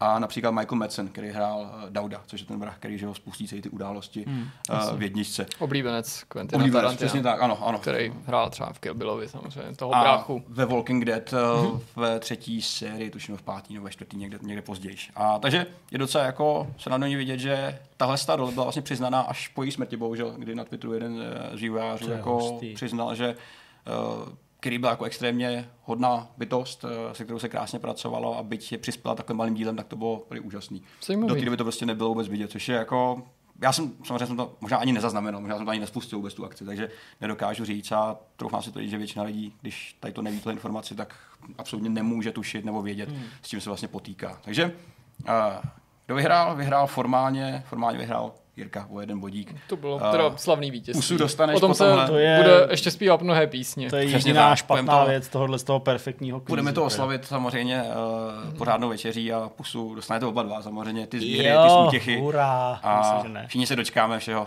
Takže díky Super. za soutěž. No my ti moc děkujeme. Soutěž. My ti moc děkujeme. Doufám, že jsme se něco naučili, taková škola hrou. Hele, mně se líbí, že to prostě jako mělo ten dobrý přetek Můžeš i do těch učit? filmů, Můžeš. seriálů a podobně, protože prostě to nám je tady něco jako Je to bytostně, blízký a bytostně blízký a já myslím, že určitě na odlehčenou jako to i naši diváci a vzali. Říkejte nějaký věci, a Tak ještě jo. tady zkusím něco Jirka, najít. já tak Jirka něco hledám, mám říkat nějaký věci. No já, mě, mě by právě strašně zajímalo, ale to už teďka po Jirkovi nemůžu takhle během natáčení chtít, aby našel, koho ten Fassbender hrál v tom bratrstvu. Já prostě vůbec, si Zjistíme. to, Já vůbec si to nedokážu tam představit. Síť. Ale určitě, hele, podle mě by teďka jako poznal zpětně, ale byl úplně jiný člověk tehdy. Asi jo, asi Dneska už je možná, jako jo. vyleštěný, takový Přitom jako, já se jako tam o dospělý. tam tu pamatuju jako pár herců, kteří si pak objevili jako v jiných. Mhm. Nejvíc asi si, si pamatuju toho, nejvíc asi pamatuju uh, Randlemana, to je takový ten blondák, který pak právě co by zrzek hrál v Walking Dead, jo? Mhm. Víš, takový ten, uh, jak se objevil asi v Jasně. ve čtvrtý, v pátý Jo, jo, sérii, ten velký. takový ten velký, tak ten jako Jo. vím, že tam hrál a to jsem si říkal, a jo, ty, to je vlastně tenhle, no Ten tam jo. pasuje docela svý Jo, velikostí. a těch herců je tam samozřejmě víc, jo, ale tohle, tohle mi fakt jako Jméno ti strašně, řeknu hnedka v zápětí. strašně, strašně Já uniklo. jsem to je. taky něco chtěl říct v zápětí, ale odpojilo se ti to Petře od internetu. Mm, tak tak marně jo. zkouším připojit, ještě zkusím jednou, ale člověče, ten tvůj Je to divné. nějaký náladový. Už minule jsme tady s tím válčili. Možná měli místo, už, jako už, už došly sloty. Ty- Nicméně. To je fakt ale škoda. A co hledáš jenom? No chtěl jsem vám dát takový bonus, tak mi taky prostě internet. telefon. No tak ty nemáš furt v Teď, telefonu teď už internet. nemám. Tak já mám data třeba. Tak já máš ti- data. Tak eh, já ti tady můžu takhle prostě podat svůj, podat svůj telefon, pokud se mi A podaří to možná prostě, prostřihneme, ne? prostě to už. odemknout. A já myslím, že to klidně zvládnu. Počkej, už to naskočilo. Už to Jo? naskočilo, A bude protože to, to má... hledej dál, bude to extrémně Tak pomalé. já se teda podívám na toho Fassbendera. Tak, eh, Hledej Fassbendera a, a, a Fassbender, uh, Brothers, teda Band of Brothers. Band of no, Brothers Opravdu fakt jo. A koho tam hrál? Um, no, ten tam hrál. má nějaká jako role. Bartna, koho? Vůbec nevím, člověče. A je to asi úplně jedno. Ale Jirka Mm. už to určitě našel. No ne, to se hrozně fakt pomalu otvírá. Mě pravdu ten Petr, to je nejpomalejší připojení na světě. Co to je za, za, Dobře, za Ne, hluk? už, už na mě nezbývalo místo. Už, už to tady máš. Jirko, když tak zařízení, můžeš to zkusit najít tady. Hledej dál. Děkuji ti. Dej asi informaci, kterou, děkuju.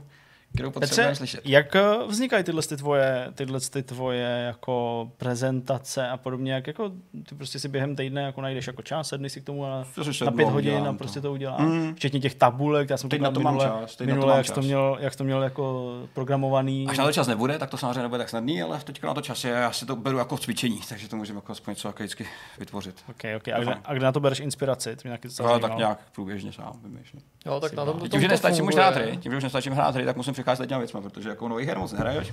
Jasně. Tím pádem vymýšlíš jako věci, které dokážeš zpracovat kolem bez nějaké jako nutnosti, že dohráváš 40 hodin RPGčka. Kdyby tohle byla Tak. bojovka třeba jako tu, tu, tu, tu, tu, tu, tu, tu, tak by se objevil nápis bonus round a aby jsme to Petrovi Aby jsme trochu to vrátili, vrátili, Okay, okay. tak ale Zdeněk samozřejmě se může do téhle akce zapojit. Ideálně bych se mohl jako naznačovat, aby ještě Petra jako Ponížil ideálně. tím vítězstvím, eh, tak vám dám pár typů navíc z vlastního staršího článku, který Aha. je z roku 2009, je už to celkem Retro. ležák, ale pořád, jak vidíš, platný. Chcete říkat jména herců, respektive jména celebrit a hádat, v jaký hře se objevili, nebo To by asi A bylo snažší, dostaneme, mě. jo to jo, no. ale jako... jako... byste chtěli nějaký nápovědy zase, No, co? To by bylo fajn, no. Jako, Protože jak vymyslet měl to z tady- mraku asi nedám. No. To právě, jako když mi prostě řekneš jméno, já nevím. Připomíná mi to kdysi takový jedný... No dobře, tak jo, tak já se je? zkusím rychle vždycky vymyslet nějaký alternativy. Jo, okay, okay. Dobře. Dvě jako k té existující. Takže Phil Collins. No. GTA Vice City Stories. Dobře. Dál. Počkej, pak tady mám To, je Počkej, to nebyl vtip. Ma, ne, tak to je slunce v Snoop Miami, že Dogga. jo. No, no, má pravdu, Vice City Stories, je to ten PSPčkový Ten díl. PSPčkový, no. Tam dokonce on hrál, ty si eskortoval někam, mám- nebo chránil nějakým on způsobem, hrál že? sám Já sebe se a ty jsi musel doprovodit na, na, na koncert. Pak Jo, tady jo. mám Snoop Dogga a Rickyho Gervaise, takže to, jsme- to už to můžu. Tak uh, víte, kde je Gary Coleman? Gary Coleman. Postál ve dvojce. To byl ten malý, že Ty, ty jsi to hledal, ne? To máš ty, ty, ty na brief. Já jsem ho vynechal, jsem ho chtěl taky použít a vynechal jsem ho, takže Tak to já nemůžu jako-. Tak typli vy jste si, v jaký hře se objevil Hugh Hefner, zakladatel Playboye? No, v Playboyře? Ne, objevil se v tom, ne. Jo, ty, prostě Petře, jako Playboy s tebou Ne, nebudeme mít jsem si hrát Playboy to jako Dimension, logicky. Já, myslím, já jsem že něco jako, ještě jsem jako skládal, jak se to, leisure, leisure suit Larry, že bys tam objevil třeba. To by- Ale to by se nabízelo. No, ale bohužel, no, tak ne, no. Tohle už ani není bonusová otázka bonusového kvízu, ale v jaký hře kromě NBA se objevil Shaquille O'Neal? Jo, počkej, Eh, to byla ta bojovka. Shaq Fu. Jo, řekl jsem to první, já řekl jsem to dřív, yes! Bodů, Ale tohle, bylo, tohle byla čirá improvizace a teď aspoň jsme se přesvědčili, proč ty improvizace nemá smysl dělat. Ne, tak ničemu, že- no. Bez přípravy tak ničemu. Bohužel. Hele, No, Petře, moc, hele, moc díky, uh, bylo to super, sice jsem prohrál, ale pusu dostanu, takže dobrý, no Všichni a teď pojďme na ten rozhovor, Rozhovor. o kterém jsme mluvili v úvodu, rozhovor s Igorem Staňkem z NVIDIA. Naším dnešním hostem je Igor Staněk ze společnosti Nvidia. Vítejte u nás. Dobrý den. Jsme moc Dobrý den. rádi, že jste přijal naše pozvání a já svoji první otázku šalamounsky zamířím právě tím směrem, jaká je přesně vaše role ve společnosti Nvidia a co máte na starost, protože my jsme se tady před natáčením bavili o tom, že to vůbec není jako jednoduchý popsat. No, ta, jo, no, ta moje funkce oficiálně v angličtině zní fakt úplně hrozně, takže já ho radši nebudu ani vykládat, jo, protože by to stejně asi neúplně všichni pochopili, ale když to řeknu ve zkratce, uh, jsem product manager na gaming pro vlastně EMEA region, to znamená pro, EMEA zkrátka je Evropa, Afrika, Middle East, Indie a tady takový země a jsme, dá se říct, na nás pár, kteří mají na starosti vlastně spolupráci v rámci uh, vývoje her s vývojáři, ale víc interně do firmy. To znamená, že se díváme na to, jaký technologie budou vlastně v těch hrách použity, co třeba v budoucnosti bude hrát prim, co, na co se máme zaměřit. Jo? A samozřejmě taky kontrolujeme, aby ty technologie v těch hrách vypadaly dobře. Jo? To znamená, že moje práce je taková, že když třeba jsou nějaký úplně první buildy těch her, tak to dostanu na stůl a dívám se, jestli to opravdu stojí za to, nebo co by se tam mělo vylepšit a tak dále. Eh, Jakým způsobem probíhá třeba ta komunikace s těma jednotlivými studiema? Eh, Vy jste teda naznačil, že dostáváte eh, buildy, můžete si tu hru vyzkoušet ještě třeba než vyjde, nebo než třeba je vůbec oznámená. Eh, Jak ale oni právě reagují na ty vaše impulzy? Tam je to takový, eh, ten, ta celá organizace je obrovská. Jo. Hmm. To jsou fakt jako hromady lidí. My máme eh, tým lidí, kteří vlastně se starají čistě o implementaci těch věcí. To jsou v podstatě programátoři, spousta z nich jsou častokrát lidi, kteří dělali v těch herních studiích a pak nastoupili k nám. To je takový, tomu se říká takzvaný DevTech, jako Development Technical Support. Pak máme vlastně DevRel, to jsou lidi, kteří dělají Developer Relation, to jsou lidi, kteří v podstatě mají na starost hlavně komunikaci s těma vývojářema a eh, nějakým způsobem předávání toho feedbacku od té firmy. Eh, Pak jsou lidi, kteří v podstatě fungují něco jako producenti, jo, kteří vlastně ty jednotlivé tituly mají pod sebou a ti vlastně synchronizují tady tu komunikaci mezi těma všema lidma. A to jsou právě lidi, se kterými já hodně taky spolupracuju v tom důvodu, že oni dostávají ty buildy. A já uh, v podstatě mě řeknou, hele, podívej se tady na tohle, mrkni na to, jak to vypadá, já jim řeknu k tomu svůj názor, no a oni to potom předávají dál. Jo. Někdy se stane, že třeba v některých případech přímo komunikujeme napřímo s těma vývojářema, když třeba potřebujeme něco vysvětlit nebo něco prostě říct, aby jsme to nedělali přes 10 lidí, jo. ale v podstatě asi tak. Je to taková dost uh, složitá organizace, když jsem tu práci začal dělat, mě trvalo pár měsíců, než jsem si na to zvykl, jak to vůbec funguje, jo. Ale, ale je to celkem, bych řekl, flexibilní. Vy se dlouhodobě prezentujete jako hráč, eh, jako hardcore hráč, eh, který má všechny možné konzole a počítač samozřejmě vybavený k tomu, aby eh, všechno tohle mohl zkoušet. Pomáhá vám to eh, v té vaší práci? Nebo spíš naopak, je to nezbytný pro člověka, jako jste vy, který komunikuje s těma vývojářem a vlastně jim v uvozovkách pomáhá s tím vývojem těch her? Asi pravděpodobně jako tak, eh, takhle, jako asi kdybych nehrál hry, tak to dělat nemůžu, že jo? to je logický, ale jako za sebe musím říct, eh, mě už táhne na 50, už nejsem teda úplně nejmladší a už tolik jako nehraju, ono jako samozřejmě ještě hrách děláte, děláte v tom každý den, jo? tak asi uh, těžko člověk přijde domů z práce, sedne si zrovna k tomu počítači nebo konzoli a znova, ale jako určitě to pomáhá, já v tom dělám jako v tomhle biznisu přes 20 let a, a jako hry mě v podstatě balí celý život, takže mám nějaký přehled o tom, vím zhruba, eh, jak to funguje, asi i minimálně jako po stránce té počítačové grafiky, kterou jsem se začal už jsem byl hodně mladý zabývat, tak uh, mě to pomáhá jako svým způsobem, jo, ale, ale uh, znova znám lidi u nás, kteří dělají tady tenhle biznis a přišli třeba úplně od někud jinut, jo, a mm-hmm. taky je to chytlo, ale určitě je to, kdybych prostě mě bavili auta, tak to nedělám. Dokážete u těch her odpočívat, nebo člověk, i když si hraje, nebo chce si zahrát jenom kvůli relaxu, tak nedokáže ten mozek přepnout z toho biznisu? A teď třeba sledujete i nějaký ty technologie, které pochází od vás a říká si, říkáte si potenciálně, tady se mi to nelíbí, jak to ty výváři zpracovali, nebo tady, tady je to opravdu dobře, dobře udělaný, to bychom mohli nějak využít v našem biznisu nebo marketingu? To je dobrá otázka. No, za sebe musím říct, že je to už hodně těžký pro mě, jo, protože hmm. já bohužel, uh, nebo bohužel boudík, otázka, jak se na to každý dívá. Já tím, že mám jako poměrně dost těch titulů jako v rámci jakoby toho mého firmního záběru, tak najít hru, kterou jsem v případě PC neměl aspoň nějak jakoby aspoň částečně pracovně hmm. Eh, se na to podívat není úplně jednoduchý, hlavně u těch velkých titulů. Samozřejmě nás zajímají hlavně jakoby ty AAA tituly, takže když řeknu příklad, třeba mm, strašně se těším na Cyberpunk, ale už vím, že nejsem si úplně jistý, kolik si toho zahraju, protože jsem s tou hrou strávil relativně hodně času. hmm jo, a uh, jsem v situaci, kdy prostě už uh, vy prostě hrajete a vidíte tu práci. Jo. Já prostě hmm na těch titulech vidím to, co jsem, už je to taková trošku deformace, jo, že koukám na to a koukám, je tady toho jsem zrovna se dívá, že to se mělo opravit, jo, oni to udělali. A už na to nekoukáte jako ten hráč, díváte se na ty věci kolem a myslím si, že uh, od té doby, co jsem to začal dělat, i když jsem předtím už za stolik nehrál, člověk má rodinu, povinnosti a už to není jak za mlada, tak musím říct, že i to pomohlo k tomu, že ještě hraju míň, protože v podstatě je to pro mě takový jako fakt práce, zábava, hmm. už je to, tak to, ta hranice je hodně taková jako tenká. No. Hmm. My jsme se tady bavili obecně o tom, eh, o té o komunikaci na základě těch eh, prostě technologií, které vy připravujete pro ty výváře, nebo ty výváři to u vás v zásadě poptávají. Eh, jak to probíhá při vytváření speciálně ovladačů pro grafické karty, které vždycky vycházejí v souvislosti s nějakým novým titulem, vždycky při nějaký update nebo nějaká aktualizace?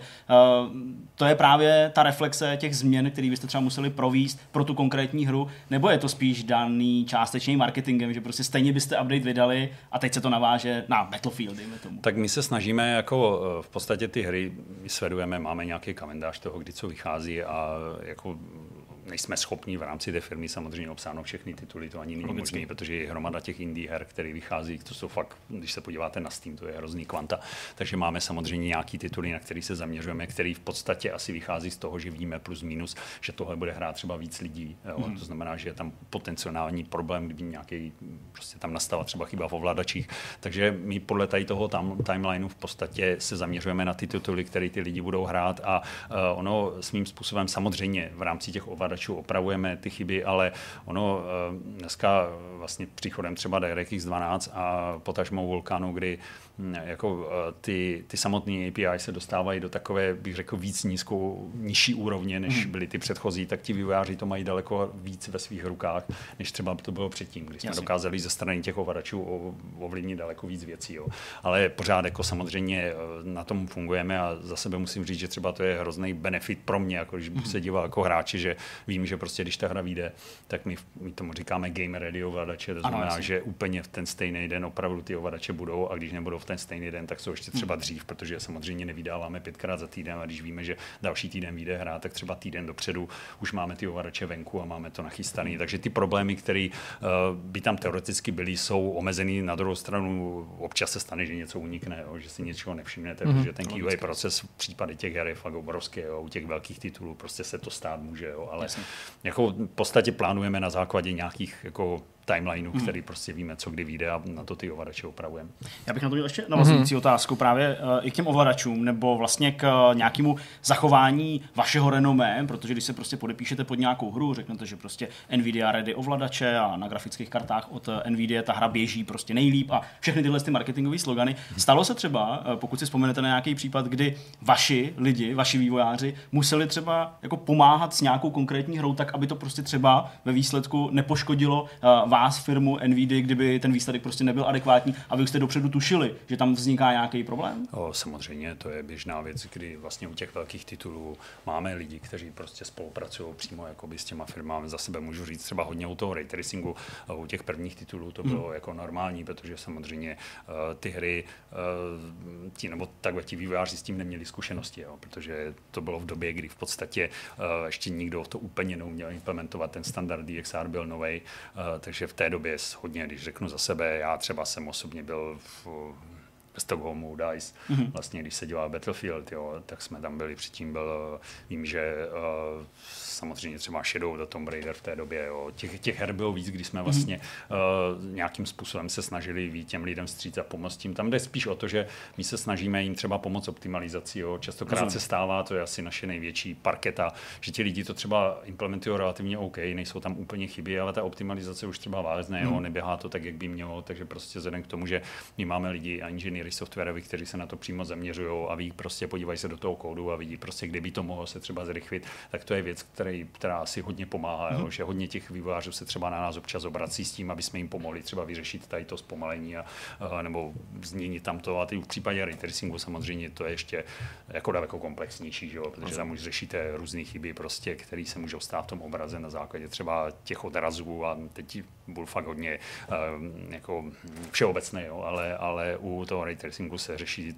hromada věcí, která jde s výkonem, s kvalitou zobrazení, k tomu ještě DLSS, jo, takže musíte optimalizovat vlastně uh, ten obraz, ten upscaling. Jo. Je to, začíná to být komplexnější a komplexnější. Už to není tak, že eh, jak před 40 rokama hry vyvíjel jeden člověk v obejváku doma, to asi dneska už by asi nešlo.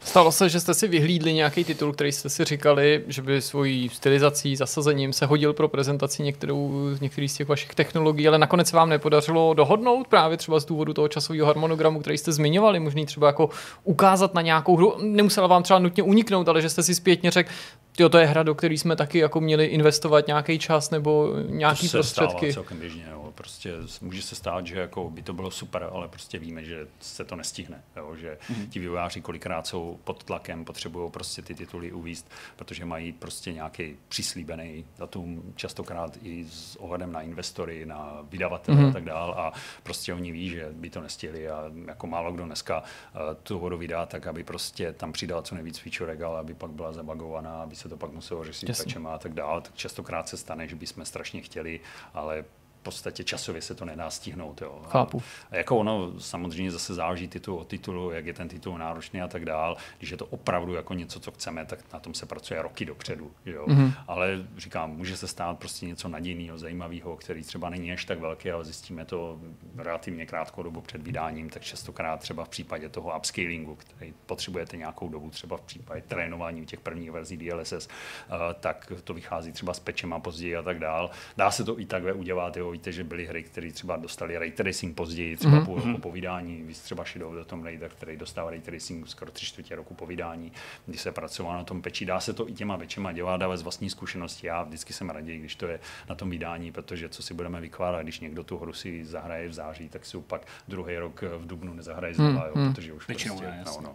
Takže ty peče jsou takový problematický v tom, že někdo, kdo je fakt nadšený do těch technologií, tak se na to chce podívat a prostě i tak si to nainstaluje, ale většinou prostě ty hry potom ten, ten zásah té technologie není tak velký, protože lidi už se k tomu nevrátí. No. A mezi těma projektama, který potenciálně teďka máte třeba v hledáčku, můžeme očekávat, že se tam objeví i nějaký retropočin. Já tím narážím na tu spolupráci s Quakem 2, respektive na, to, na tu podporu Quakea 2, který se rozrostl o ray tracing, respektive path tracing, tam což bylo velmi to, zajímavý. Tam to bylo specificky v tom, že my ještě, já jsem to úplně nezmínil, my máme vlastní studio, který vlastně se tady těma portama mm-hmm. zabývá jo, a vlastně uh, ten uh, Quake 2 uh, byl vlastně dílem toho našeho ISP studia který vlastně to mělo na starosti tady v podstatě tady u těch hodně retro věcí, ty porty a řekněme předělávky s ray tracingem a tak, tak to jde víc za náma.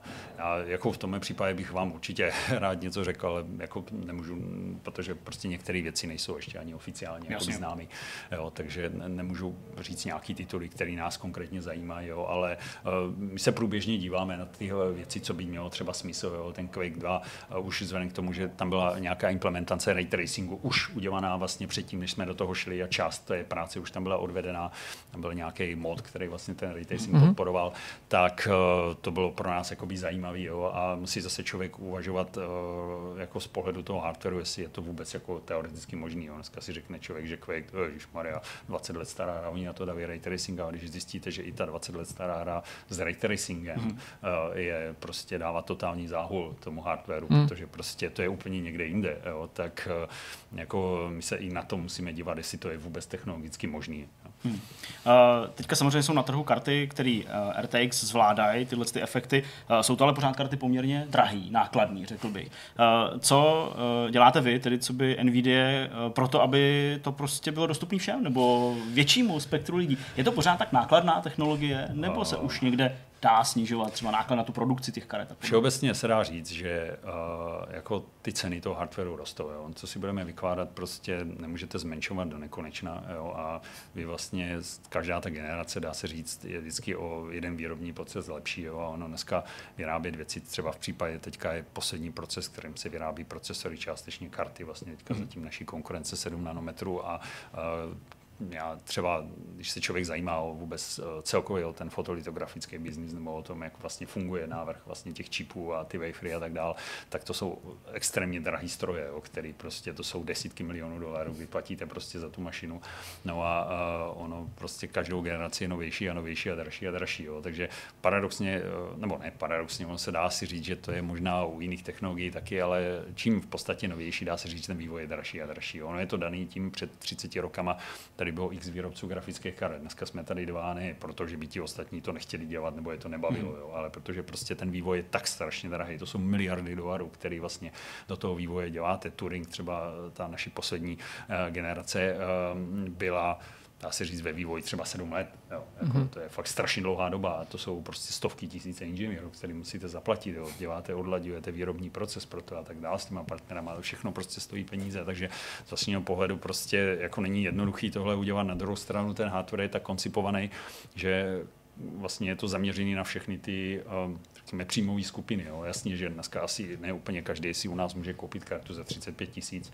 Uh, je to jako hodně pro ty lidi, kteří chtějí high-end, jo, kteří třeba mají doma výkonný počítač, uh, extrémně drahý monitor, uh, ale najdete tam kartu, která si myslím, že je relativně dostupná těm hráčům. Mm-hmm. Na druhou stranu Těžko se nám jako samozřejmě mm, soupeří s konzolama, tak jak lidi říkají, proč já bych si kupoval PC, když mě konzole vyjde prostě třeba na třetinu ceny, jo, ale tam člověk musí zase pochopit, že spousta těch uh, toho hardware je tam dotovaný, jo, že v podstatě že často ten biznis funguje tak, že, že ten hardware je, uh, dá se říct, uh, výrazně dražší, než oni to nabídnou, ale oni se zahojí vlastně na těch hrách a postupně tou generací, jak ta konzole se prodává, zlevňuje se výroba, tak nakonec se to zaplatí, jo, ale my nemůžeme prostě ty grafické karty dávat jako pod náklady a počítače. No to budeme jako, protože ta, ta, ta, ten, ten životní cyklus těch grafik většinou je mnohem, mnohem menší než třeba u těch konzolí a nemáme tam ty tituly a nemáme vlastně celý ten ekosystém. Jo. Takže za sebe můžu říct, že jako nemyslím si, že to bude do nekonečna dražší a dražší a dražší, mm-hmm. ale vždycky to bude rozdělený prostě na ty high-endové produkty, tak jak si dneska koupíte drahý auto. A mm. člověk prostě, když nemá na Ferrari, tak si prostě musí koupit třeba, nevím, Škodovku, jo, ale, ale v konečném důsledku si zahraje jako na tom hardwareu taky a vždycky to je omezení vlastně, v čem chce hrát a na co má peníze. No. Vy už jste se toho dotknul, toho dlouholetého vývojového procesu. Mě by zajímalo, jak daleko dopředu vlastně musíte přemýšlet, co by celá společnost s ohledem na to, že se prostě ty technologie takovou dobu připravují. Tam se třeba z toho důvodu, že některý výváři videoher říkají, že prostě technologie typu ray tracingu, možná ta otázka bude taková laická, tak když tak omluvte, no. Eh, že jsou prostě jenom otázkou jako dostatečně vysokého hrubého výpočetního výkonu a že jednou nebudeme potřebovat speciální grafické karty, podobně jako jsme se zbavili nutnosti mít speciální kartu třeba vypočítávající fyziku. Mm-hmm. A s tím jsme taky, že já nevím, před 15 lety operovali mm-hmm. přibližně, nebo před 20, 15 možná. Je to něco, co vás jako společnost v uvozovkách trochu straší, anebo víte, že tady vždycky bude něco, co výrobce jako jste vy bude moc nabídnout, nebo že vy vždycky musíte tu cestu prorazit pro ty další technologie? Mě jako samozřejmě máme tým lidí, kteří se dělají, to je vlastně tým takzvaný Nvidia Research, kteří to jsou lidi, kteří se zabývají technologiemi a třeba za 20 let, co tady bude. A to jsou věci, které dneska v podstatě ani běžní lidi asi se k tomu nedostanou. To jsou vysoce teoretické věci, ve smyslu to všechno lidi, kteří jsou třeba z akademického prostředí a tak dále. Ale za sebe musím říct, že ono samozřejmě těch předpovědí, jako že karty nebudou potřeba a karty budou integrované v procesorech a tak, kolik toho bylo. A za sebe musím říct, že jako tam, kam se ten svět vlastně vyvíjí, to znamená k tomu masivnímu paralelismu, jo, kdy prostě potřebujete opravdu jako extrémně masivní paralelní výpočty, ať už je to ray tracing, nebo uh, ať už teďka je to použití vlastně uh, uh, jakoby tenzor jader v případě těch maticových výpočtů, kde máte v podstatě uh, jako poměrně náročnější a náročnější věci třeba s upscalingem, se strojovým učením a tak dále. To jsou všechno věci, které těm uh, grafickým kartám jako sedí daleko víc než třeba procesorům. Jo. Takže za sebe si musím musím říct, že spíš bych měl jako jako strach na straně výrobců těch procesorů. Jo? Teď nemyslím, že by tady procesory nebyly vůbec, ale když se podíváte na ty počítače, tak tak, jak prostě před 20 rokama se řešilo, jestli budu mít procesor od Intelu a AMD, dneska se to teda řeší taky, ale uh, myslím si, že ten procesor všeobecně v tom počítači má jakoby menší důležitost a víc a víc se vlastně prosazuje třeba grafická karta. Dneska jsem četl fakt zajímavý, teď říkám, je to jenom článek, um, vlastně okomentovaný to, že Apple nasazuje vlastně ARM procesory mm-hmm. v rámci uh, jejich platformy a ten jejich bývalý, teď nevím kdo přesně, v 90. letech, ten vlastně bývalý, myslím, že šéf vývoje, nebo teď nevím, prohlásil, že si myslí, že dřív nebo později to stejný přijde vlastně na Windows platformu, no. jo, že dřív nebo později vlastně ty ARM procesory jakoby nahradí, jo, a pak samozřejmě to je otázka spolupráce vlastně těch grafických karet v rámci vlastně toho, těch, těch samotných ARM zařízení. A když si vezmete, že třeba my dneska máme, vyvíjeli jsme vlastní ARM procesory jo, a máme i vlastně grafický jádra, které jsou součástí toho, používá se to teda automobilovým průmyslu, není to přímo dneska, když nevezmu já nevím, třeba Shield, co jsou naše uh, televizní krabičky, tak se to běžně jako jara nepočítá, ale klidně se může stát, že třeba někdy v budoucnosti, ale nemyslím si, že by to nějakým způsobem ubralo na, na, na že by naše firma nebyla potřeba, nebo tak to jako těžko říct, co bude za 50 let. Jo. Možná tady budeme mít kvantový počítače a budeme udělat úplně jiné věci, ale v tomhle biznisu člověk nikdy neví. Ale za sebe musím říct, že v podstatě za těch 16 let, co v NVD jsem, tak se mně nestalo, že bych měl pocit, že to nějak stagnuje nebo to jde dolů. Mm-hmm. V podstatě každý rok se vymýšlí nový a nový a nový a nový věci a pořád to jde nahoru a nahoru. Ty čipy jsou větší, rychlejší, víc lidí je používá. Mm-hmm. Jo, takže dneska jenom v akademické sféře, když já jsem nastupoval v roce 2006, tak se na grafikách hrál, nikdo nic neřešil. Dneska obrovský biznis dělají v podstatě uh, veškerý akcelerátor výpočtu. Jo. Když se jenom podíváte na ty naše profesionální konference uh, eh, GDC, kdy vlastně přijedou uh, tisíce lidí z akademického prostředí. Jo. Máme třeba 10 tisíc lidí na té konferenci a oni ukazují všechny projekty, co na tom dělají, tak to prostě na to koukáte a uh, vůbec se ani o hrách nebavíte jako s nimi. Takže myslím si, že to bude spíš jako naopak, jo, že, že tady tyhle eh, jakoby, technologie budou spíš narůstat. Druhá věc je, jak pak vůbec ty architektury budou vypadat, jak se to bude vyvíjet, jo, co jestli bude víc grafických karet, jak ty čipy spolu, to prostě těžko říct. Nemůžeme zmenšovat do nekonečna, takže se něco vymyslet bude muset. Jo. Mhm. Máme tak ještě možná dvě, tři generace a pak už prostě budeme muset řešit něco jiného, než jenom spát tam dvakrát tolik tranzistorů. No. no tak eh, když jsme se teďka bavili o té předpovědi, uh, takový tý hodně vzdálený, hmm. o tom, co prostě bude s NVIDIA, tak mě by spíš zajímalo možná, a to už určitě se blížíme i k závěru závěru tohohle rozhovoru. Uh, jestli třeba jste ochotný poskytnout nějaký tip, uh, nemusíte být vlastně extra konkrétní proč, ale uh, název třeba nějaký hry nebo nějakou hru, u který si myslíte, že ty vaše technologie se promítnou, samozřejmě teda v té PC sféře logicky, uh, úplně nejlíp a uh, na co se mají hráči těšit. Tak těch her je asi hromada, ale jako za sebe zase zmíním asi, uh, jako to, já nechci jako, že bych vyloženě někomu jako na těch her je hromada. Jo, já jako, uh, za sebe asi musím říct, že když budu brát tenhle rok, tak hmm. třeba, když beru čistě moje preference, co hraju, tak určitě Cyberpunk, že jo, to bude hra, která jako si myslím, že opravdu ukáže úplně extrémně uh, jakoby výkon té, té platformy jako takové. Uh, výborní jsou třeba Watch Dogs Legion, jestli jste teďka hmm. viděli mm-hmm. vlastně Ubisoft, tak ukazovali nějaké live věci z té hry, takže když to vezmu uh, tyhle dvě věci, ale toho je fakt tolik, jo, že nechtěl bych jako ně, někomu nadržovat, jako, jako to záleží fakt na preferencích, ale v podstatě každá hra, která uh, bude vycházet, bude mít podporu ray tracingu a bude mm-hmm. jich hodně, jako bude to přibývat, tak samozřejmě ty rozdíly tam budou velký, i když ty konzole dneska nová generace bude zase výkonnější, tak uh, jako pořád ten ray tracing, jako v našem případě tím, že máme vlastně dedikovaný ray tracingový mm-hmm. hardware, tak si myslím, že ten, ten rozdíl tam bude a hlavně Mm, jako obrovský rozdíl budou dělat vlastně ty upscalingové technologie. Hmm. To je hmm. budoucnost, jo, protože dneska, když si vezmete, už jsem mluví o 8K displejích, každý prostě vykládá o tom, že tady už jsem viděl televize od Samsungu zlevněný 8K a tak dál. A i když vlastně vezmete, že třeba eh, každá nová generace se plus minus dvojnásobí počet tranzistorů, tak se vám rozhodně nezdvojnásobí výkon. Jo? A ten, ten, ten obrovský, ten, ten masivní počet těch polygonů, který vlastně ty karty musí vytlačit, eh, s každým tím rozlišením výrazně roste. Jo? A když Jasně. potom budeme brát ještě, že máme k tomu ray tracing, který zase jako vydává výkonnostně té grafické kartě zabrat, tak si myslím, že naprosto zásadní technologie do budoucnosti budou vlastně ty chytré upscalingy, to znamená to, co děláme třeba s DLSS, ať už to bude DLSS nebo cokoliv jiného, někoho jiného, tak to bude hrát extrémní roli, protože ta rekonstrukce obrazu v rámci strojového učení bude umět dělat divy a v podstatě bude to jedna z hlavních možností, jak si budeme moct z těch ultra vysokých rozlišeních zahrát, jo, protože si myslím, že to nebude úplně jednoduchý pro běžný lidi uh, mít prostě hardware, který vám poběží nativně v 8K a hmm. bude vám zvládat prostě ty obrovské kvanta polygonů v reálném čase. Vy už jste mi trochu nahrál i na tu závěrečnou hmm. otázku, protože jste se toho dotknul a já jsem se vás právě no. chtěl zeptat na to očekávání hmm. od těch nových konzolí, hmm. jestli hmm. asi by bylo hloupý ptát se, jestli se na ně těšíte, ale spíš nakolik se o ně zajímáte, nakolik jste na ně zvědaví už kvůli tomu, eh, kdo je dodavatelem eh, právě těch technologií a mm, jestli si vlastně myslíte, že si i právě z toho konzolového biznesu a z té technologie, která se v těch konzolích objeví, něco můžete jako firma odníst? No, za sebe takhle, já musím říct, že já jsem z těch nových konzolí jakoby nadšený, jo, a teď to budu, beru jakoby čistě člověk, který se třeba nějak pohybuje v tom vývoji, protože my jsme třeba s tím měli velký problém uh, předtím, před, předchozí generaci, že máte ray tracingové tituly, jo, a chcete prostě ten ray tracing tam dát, tak každý ten vývojář a vždycky ho zajímá, jaká je vlastně potenciální skupina těch hráčů, kolik lidí to má. Že jo. Můžete samozřejmě operovat tím, že máme prodaných jako poměrně dost těch RTčkových karet, ale na druhou stranu ty konzole pořád jako mají obrovské množství. Jo. A tím, že vlastně výrobci konzolí teďka konečně budou podporovat ray tracing, mm-hmm. aspoň teda z těch videí, já teďka mluvím a vím asi to, co víte vy, já si jako nevím přesně ty detaily, ale pochopil jsem z těch videí a z těch představení, že ray tracing podporovat budou, mm-hmm. tak pro nás je to obrovský benefit.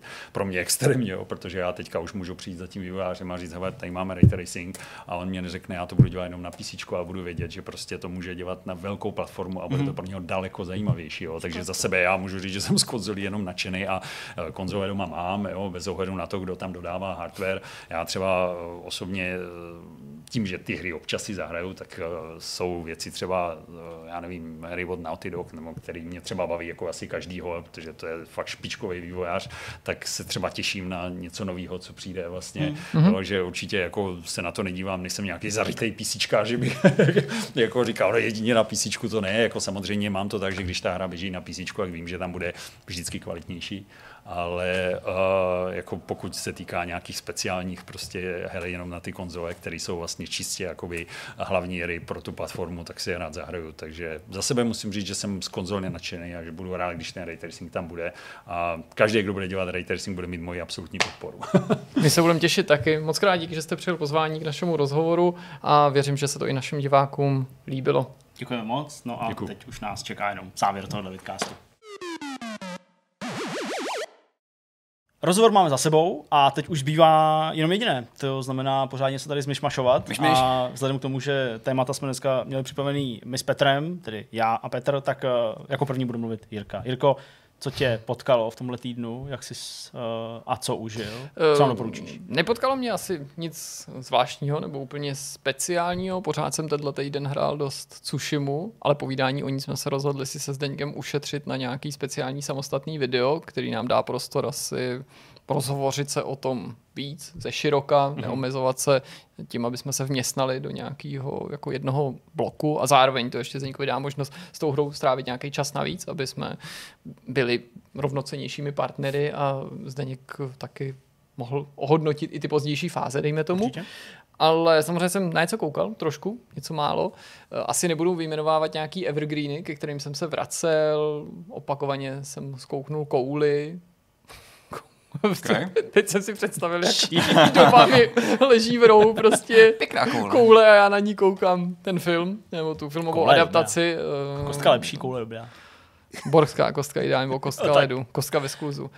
O tom mluvit nechci. Viděl jsem dva filmy, který jsem viděl poprvé, tak to se nabízí jako víc. Ten, u toho jednoho jsem měl docela podstatný skluz, tak tím možná začnu, protože to taky není úplná novinka. To jsou Stepfordské paničky, čím bych navázal na to nedávné povídání o té novější adaptaci Stepfordských paniček. No, mi to právě přišlo divný, že už jsme se o tom bavili. No a teď ty jsem se pustil, originál. no originál, tak pořád je to filmová adaptace Jo, jasně.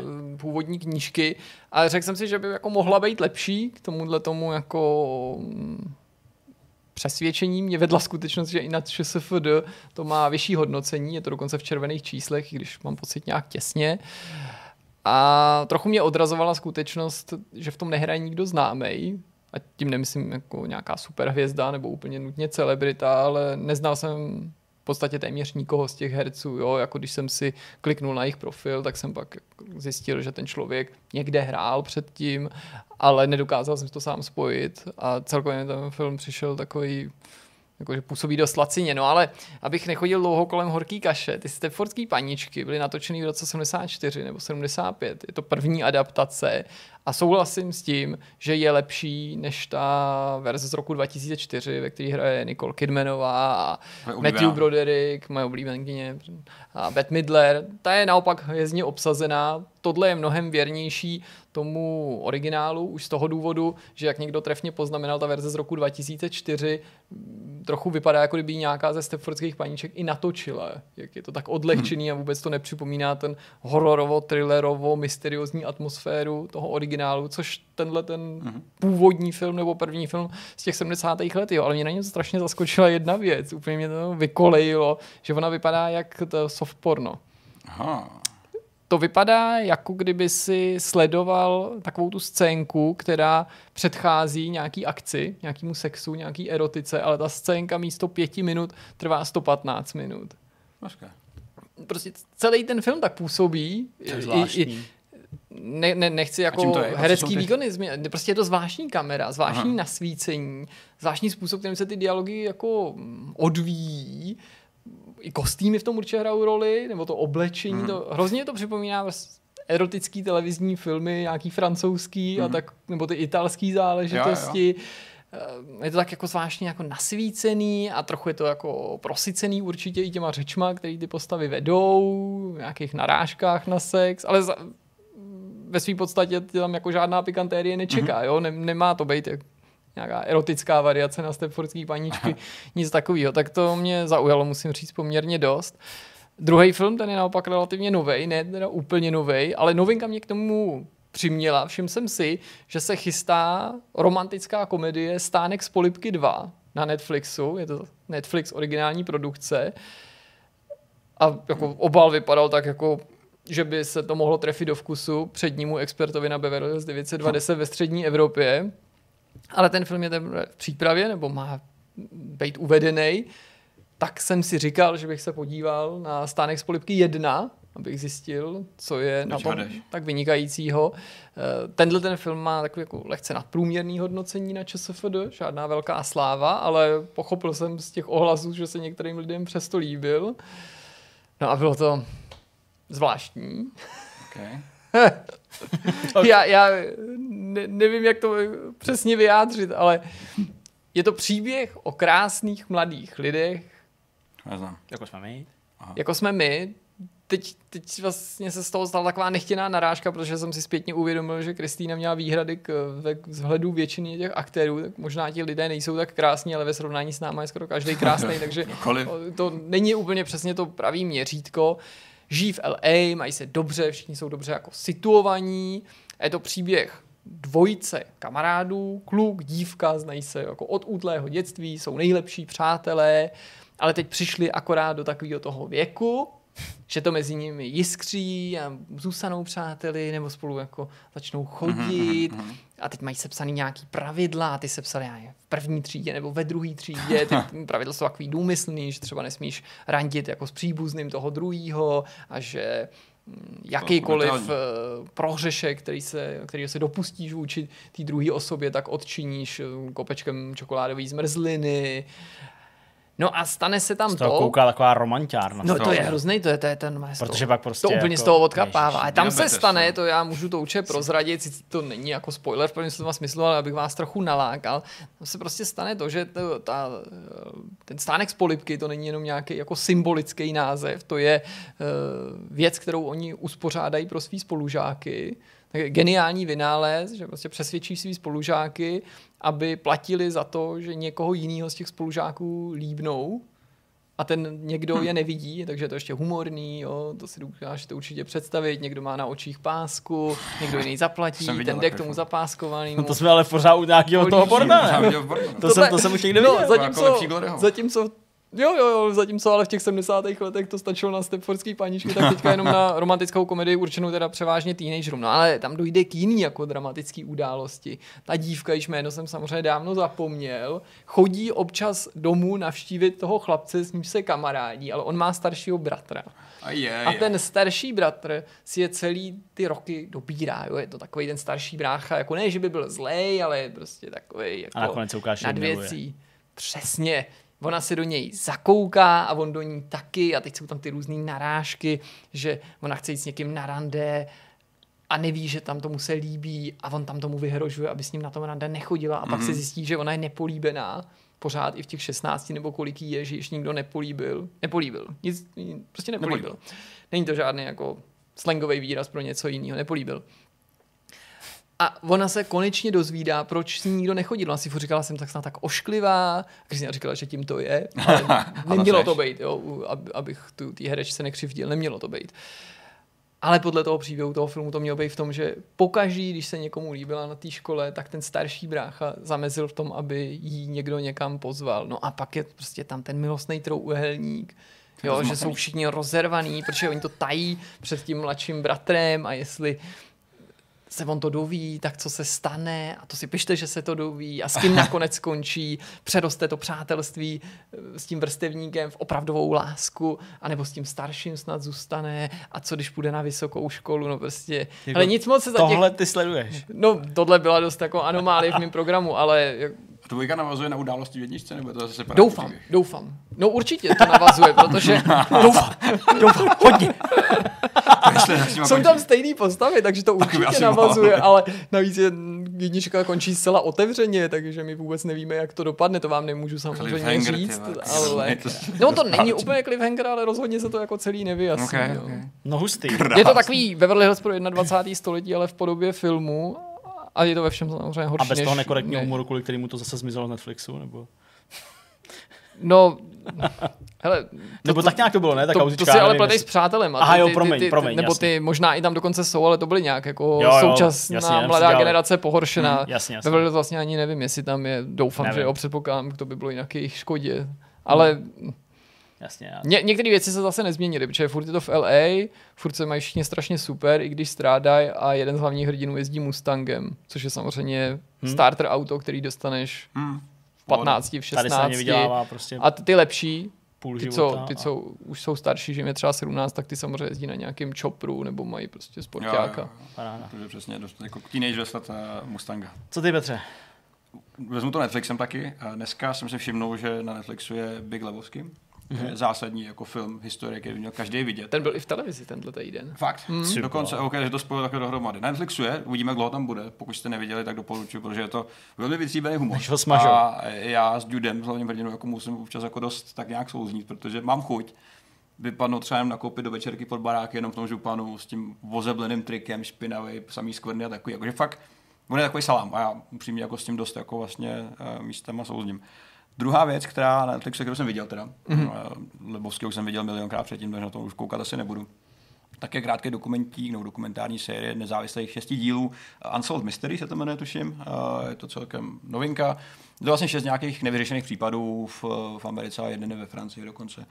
A kdyby to nebylo tak moc dramatizovaný pro Netflix, eh, kamera, střihy, rozhovory, tak to vlastně budou hrozně jako děsivý příběhy, plný takových jako zmaru, kdy někdo někoho zavraždil a nevyřešilo se to, kdy uh, někdo třeba jako prošel nějakým traumatem, který jako byl neobjasněný a až na jeden díl, který se jako soustředí na, na únos mimozemšťanů, který je prostě totálně jako mimo, tak to už je takový jako hezký události ze života, že někdo někoho zavraždil, něčí máma zabila svoje dítě, aby mohla mít jeho dítě a podobně. Mm. Fakt jako hezký případy. Krása. Fajn do života. Je to celkem pěkně natočený. v Manďáku se ti horší věci bez Netflixu. A mně se to líbilo, uh, samozřejmě já jsem ujetý na ty jako uh, drastiárny, takže pokud máte podobný vkus, tak se určitě mrkněte, je to krátký, dá se to rychle sníst. A třetí věc, já jsem, jak jsem byl doma, mám měl narozeniny, tak jsem si vyzkoušel na mobilu uh, Rio Racing 3, kam jsem se vrátil, závodní mm. uh, hra od EA, o kterém jsme se bavili v jednom z úplně prvních vidcastů v rámci nějakého většího bloku. Jak, jak, to souvisí s tím, že to mamka měla na rozky? Že jsem měl svou mobil a hrál jsem uh, doma. Já jsem to minule avizoval, že jsem měl na sever a tak jsem jako nehrál nic velkého, já jsem právě mobil. Nevěděl, jasně, Už to jako objasnil takhle. Už to chápu. Že mám a narozeniny, takhle vždycky hraju Rio Racing, to na tom dává smysl. Nějaká tradice už to je. Nechápeš, ty. Někde je olovo, někde je My jsme to změnili už tehdy při tom našem hraní, že Rio Racing je hra s úplně neuvěřitelně šílenou ekonomikou, která je tak strašně jako drahá, že se vlastně rozhoduješ, jestli budeš investovat do auta ve hře nebo do reálného auta. Zhruba jako taková jako úroveň ekonomiky tam je. To se bohužel nezměnilo. To znamená, že je to pořád na okraji hratelnosti. Uh, buď to grind nebo velký finanční grind. Buď to grind ve hře nebo grind opravdu, aby si viděl peníze na ten grind ve hře. Přesně. Ale co mě překvapilo, tak je jako bohatost různých licencí a sérií. V té hře je nespočet různých šampionátů, který jsem pohromadě neviděl snad v žádný asi hře. To ty jako peníze, co do toho lidi nasypali. EA jako Šmekos očividně má, takže tak to někdo zainvestoval. A je to hrozně jako fajn vidět na prostě všechny možný motorsport disciplíny, všechny možný auta. Je to vlastně Gran Turismo Forza v tomhle ohledu, v tomhle ohledu kompletnější než jakákoliv jiná hra. Uh, což vlastně říkám, když má EA ty možnosti tady to zajistit, tak proč to třeba nevyužít na jiné hry? Víš, třeba jako vzít Need for Speed. Hmm, to ne. Teďka si v podstatě nechali jako vzít uh, jako Shift, Need for Speed Shift, který říká, že Project Cars 3 jsou v podstatě Need for Speed Shift, moderní, ať už se to všem líbí nebo ne. A oni mají očividně tu jako možnost a šanci minimálně skrze licence udělat něco podobného. Bohužel to je, jako je promítnutý jenom do Rio Racing, který teda podporuje by už je ovladač, takže na iPadu, jo, na velkém displeji s ovladačem nebo na Apple TV, mm-hmm. to může být celkem fajn, to jsem bohužel neskoušel a, a začne to dávat smysl. Bohužel teda ta ekonomika jako taková je tak jako sprzněná, že nechci to hrát, ne, mhm. nechci šetřit na reální a virtuální auta současně, bohužel. Že to byly moje zážitky. Zdeňku, co ty? No, uh, já jsem hodně hrál Creeks, uh, jejíž recenzi jsem chtěl udělat uh, už uh, ve čtvrtek, kdy natáčíme dneska a nedostal jsem se k tomu, prostě nějak na to nevyšel čas, ale doufám, že to nějak jako stihnu v dohledné době. Ale musím říct, že to se mi hrozně moc líbilo. Mm-hmm. Strašně moc. Jako, já vím, že si můžeme říct, no, teď to je prostě taková ta hra od Amanity, taková ta nakreslená, taková ta jako rostomilá potěuchlost, ale tohle je prostě hra. Je to jako plnohodnotná hra, plnohodnotná logická plošinovka. Jsem rád, že prostě Amanita udělala ten krok a prostě udělali hru takovýhleho stylu, takovýhleho jako ražení, protože jako nic proti samorostům, chuchlům a tak dále, to jsou prostě rostomilý záležitosti, eh, pěkný, ale tohle je prostě to jako hra než šťavnatá, plnohodnotná mm-hmm. hra. Uh, naposledy jsem tenhle pocit, ale to je možná proto daný, že nejsem úplná cílovka, tak jsem měl u Machinária. A teď vlastně až po té době, byť vyšly super hry a užil jsem si je, včetně Pilgrims a tak další, tak tady jsem si říkal, jo, to je, to je, to je prostě ta mm. moje krevní skupina. A hrozně moc se mi to líbilo. Uh, vzpomínal jsem při tom hraní na rozhovor s Radimem Jurdou, který jsme dělali v, ve Vortexu nevím kolik, někde hodně jako na začátku bych řekl, samozřejmě ještě Bylo to loni v únoru. Loni v únoru. Teprve, jo. No. Tyjo, tak to bych řekl, že bylo úplně někdy jako třeba před 6 rokama. Ale Uh, ale tak jsem na to vzpomínal a porovnával jsem tak jako moje nějaký, uh, nějaký vzpomínky z toho rozhovoru právě s tou výslednou hrou a uh, zažíval jsem u toho hrozně hezký pocity během dvou, tří nocí, uh, který jsem u toho postupně tak asi po hoďce a půl strávil, ono to totiž nejde hrát moc jako mm, v kuse, mm-hmm. protože to celkem člověka vyčerpá. V těch pozdějších fázích je to celkem náročný přijít na to, eh, jak poskládat tu úroveň tak, aby se z ní dostal pryč. A fakt oceňuju, opravdu oceňuju ty nápady eh, nad rámec jako rozpohybovaného nočního stolku, ze kterého je pes, ale oceňuju ty hm. nápady dál, pak prostě z těch dalších jako uh, kusů nábytku. Z nich mm. se pak dějou ty různý, různý jako nepřátelé nebo tam prostě ty obyvatele těch jednotlivých lokací. Tak jako fakt se mi to líbilo, opravdu jsem si to užil a jsem moc rád, že něco takového vzniklo. Takže uh, opravdu uh, perfektní výlet. No a celý to prostě ředím tím, že se vrátila konečně formule. Já vím, že jsem o tom tady asi mluvil už minulý týden, vlastně nevím, nejsem si úplně jistý. Jo, jsme nám vysvětlila ty okruhy, proč jo, se no pojede dvakrát jo, v Rakousku. A prostě jsem z toho úplně, úplně jako mimo. Eh, hltám prostě všechno, co hltat jde. Eh, těším se na zítřejší večer, až, eh, až skončím v práci a pojedu domů, nebo až přejdu domů, tak prostě z záznamu zhlídnu prostě trénink teďka, teďka v Maďarsku, prostě tři týdny týdny za sebou, tři závody. Hmm. Mm. To je úplně jako fantastický. Uh, Marketou jsme rozkoukali Drive to Survive, přemluvil jsem jí k tomu, protože ona samozřejmě jako, tak jako žije se mnou v, jedný, v jednom bytě o, o dvou místnostech, takže když jsem se koukal minulý víkend na, na formule, tak samozřejmě koukala, no prostě viděla to taky, byla v obýváku, sledovala to. Ale, ale začalo jí to, jo, jo, začalo jí to sledo, z- jako, jako bavit, ten, ten samotný závod, já jsem jí tomu vždycky jako něco řekl a nechtěl jsem jí moc otravovat. Ale včera prostě jsme se podívali na Drive to Survive, na první epizodu té první sezóny, takže už jako dva roky starý. A když jsem viděl, že se skoro rozplakala uh, hmm. po té, co se stalo Hásu v Austrálii v roce 2018, to znamená, že si vyjel v kvalifikaci čtvrtý a pátý místo a pak během závodu uh, obě auta za sebou jeli do boxu a oběma autům uh, správně neutáhli pneumatiku, takže, Plakal bych taky. takže uh, i, i Hulkenberg, i Grosjean přišli o to svoje místo. Tak uh, když tam byl ten záběr na toho, na toho šéf principála Hásu, toho, toho Gintra, tak uh, Markéta úplně natahovala, protože hmm. on byl úplně v pytli, že hmm. prostě. A, prostě tam úplně byl z toho špatný, tak jí to takhle dojalo, takže věřím, že budeme jako pokračovat dál a jsem vlastně strašně rád, že jí to taky takhle jako, neříkám baví, jako tak asi by to nevydržela sledovat furt dokola, ale prostě ty příběhy a ten způsob, jakým je Drive to Survive natočený. Dokud tak, nemá na hlavě helmu a kombinézu, tak to není.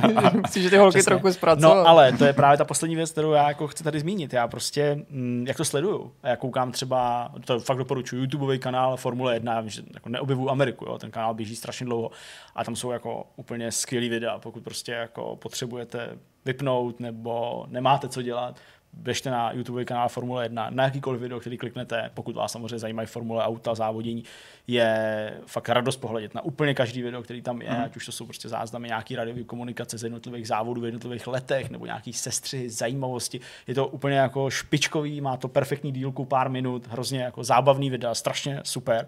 Tak uh, jak to furt sleduju?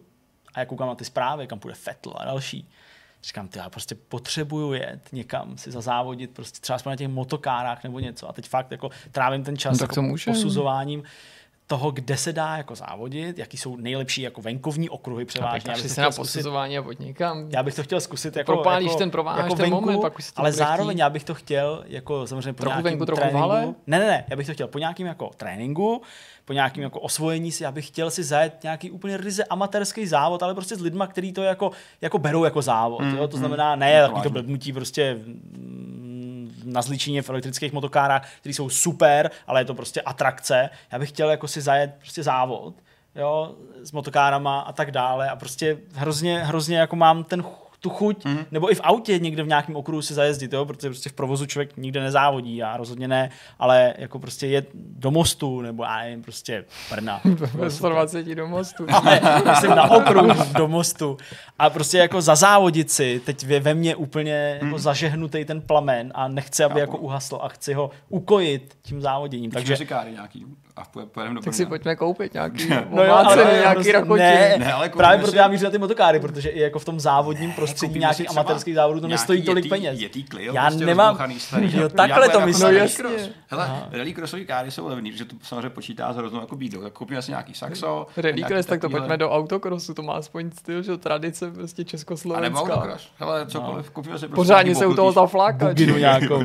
Vylez. No tak eh, tolik, no, k tomu prostě, to je, to je teď jako... Tak možná následovali nějaký amatérský závodníci, Jestli- nebo i profesionální Jestli závodníci. je někdo mezi váma, kdo by dokázal jako uspořádat, nebo mě třeba jako po nějakým tréninku přijmout prostě k nějakému amatér, fakt jako amatérskému závodu, tak já prostě jako jedu. Jako fakt všude v České republice jedu. Prostě. Já budu ta holka na tom roštu, že s tím těsným oblekem. Holka na roštu. Asi tak.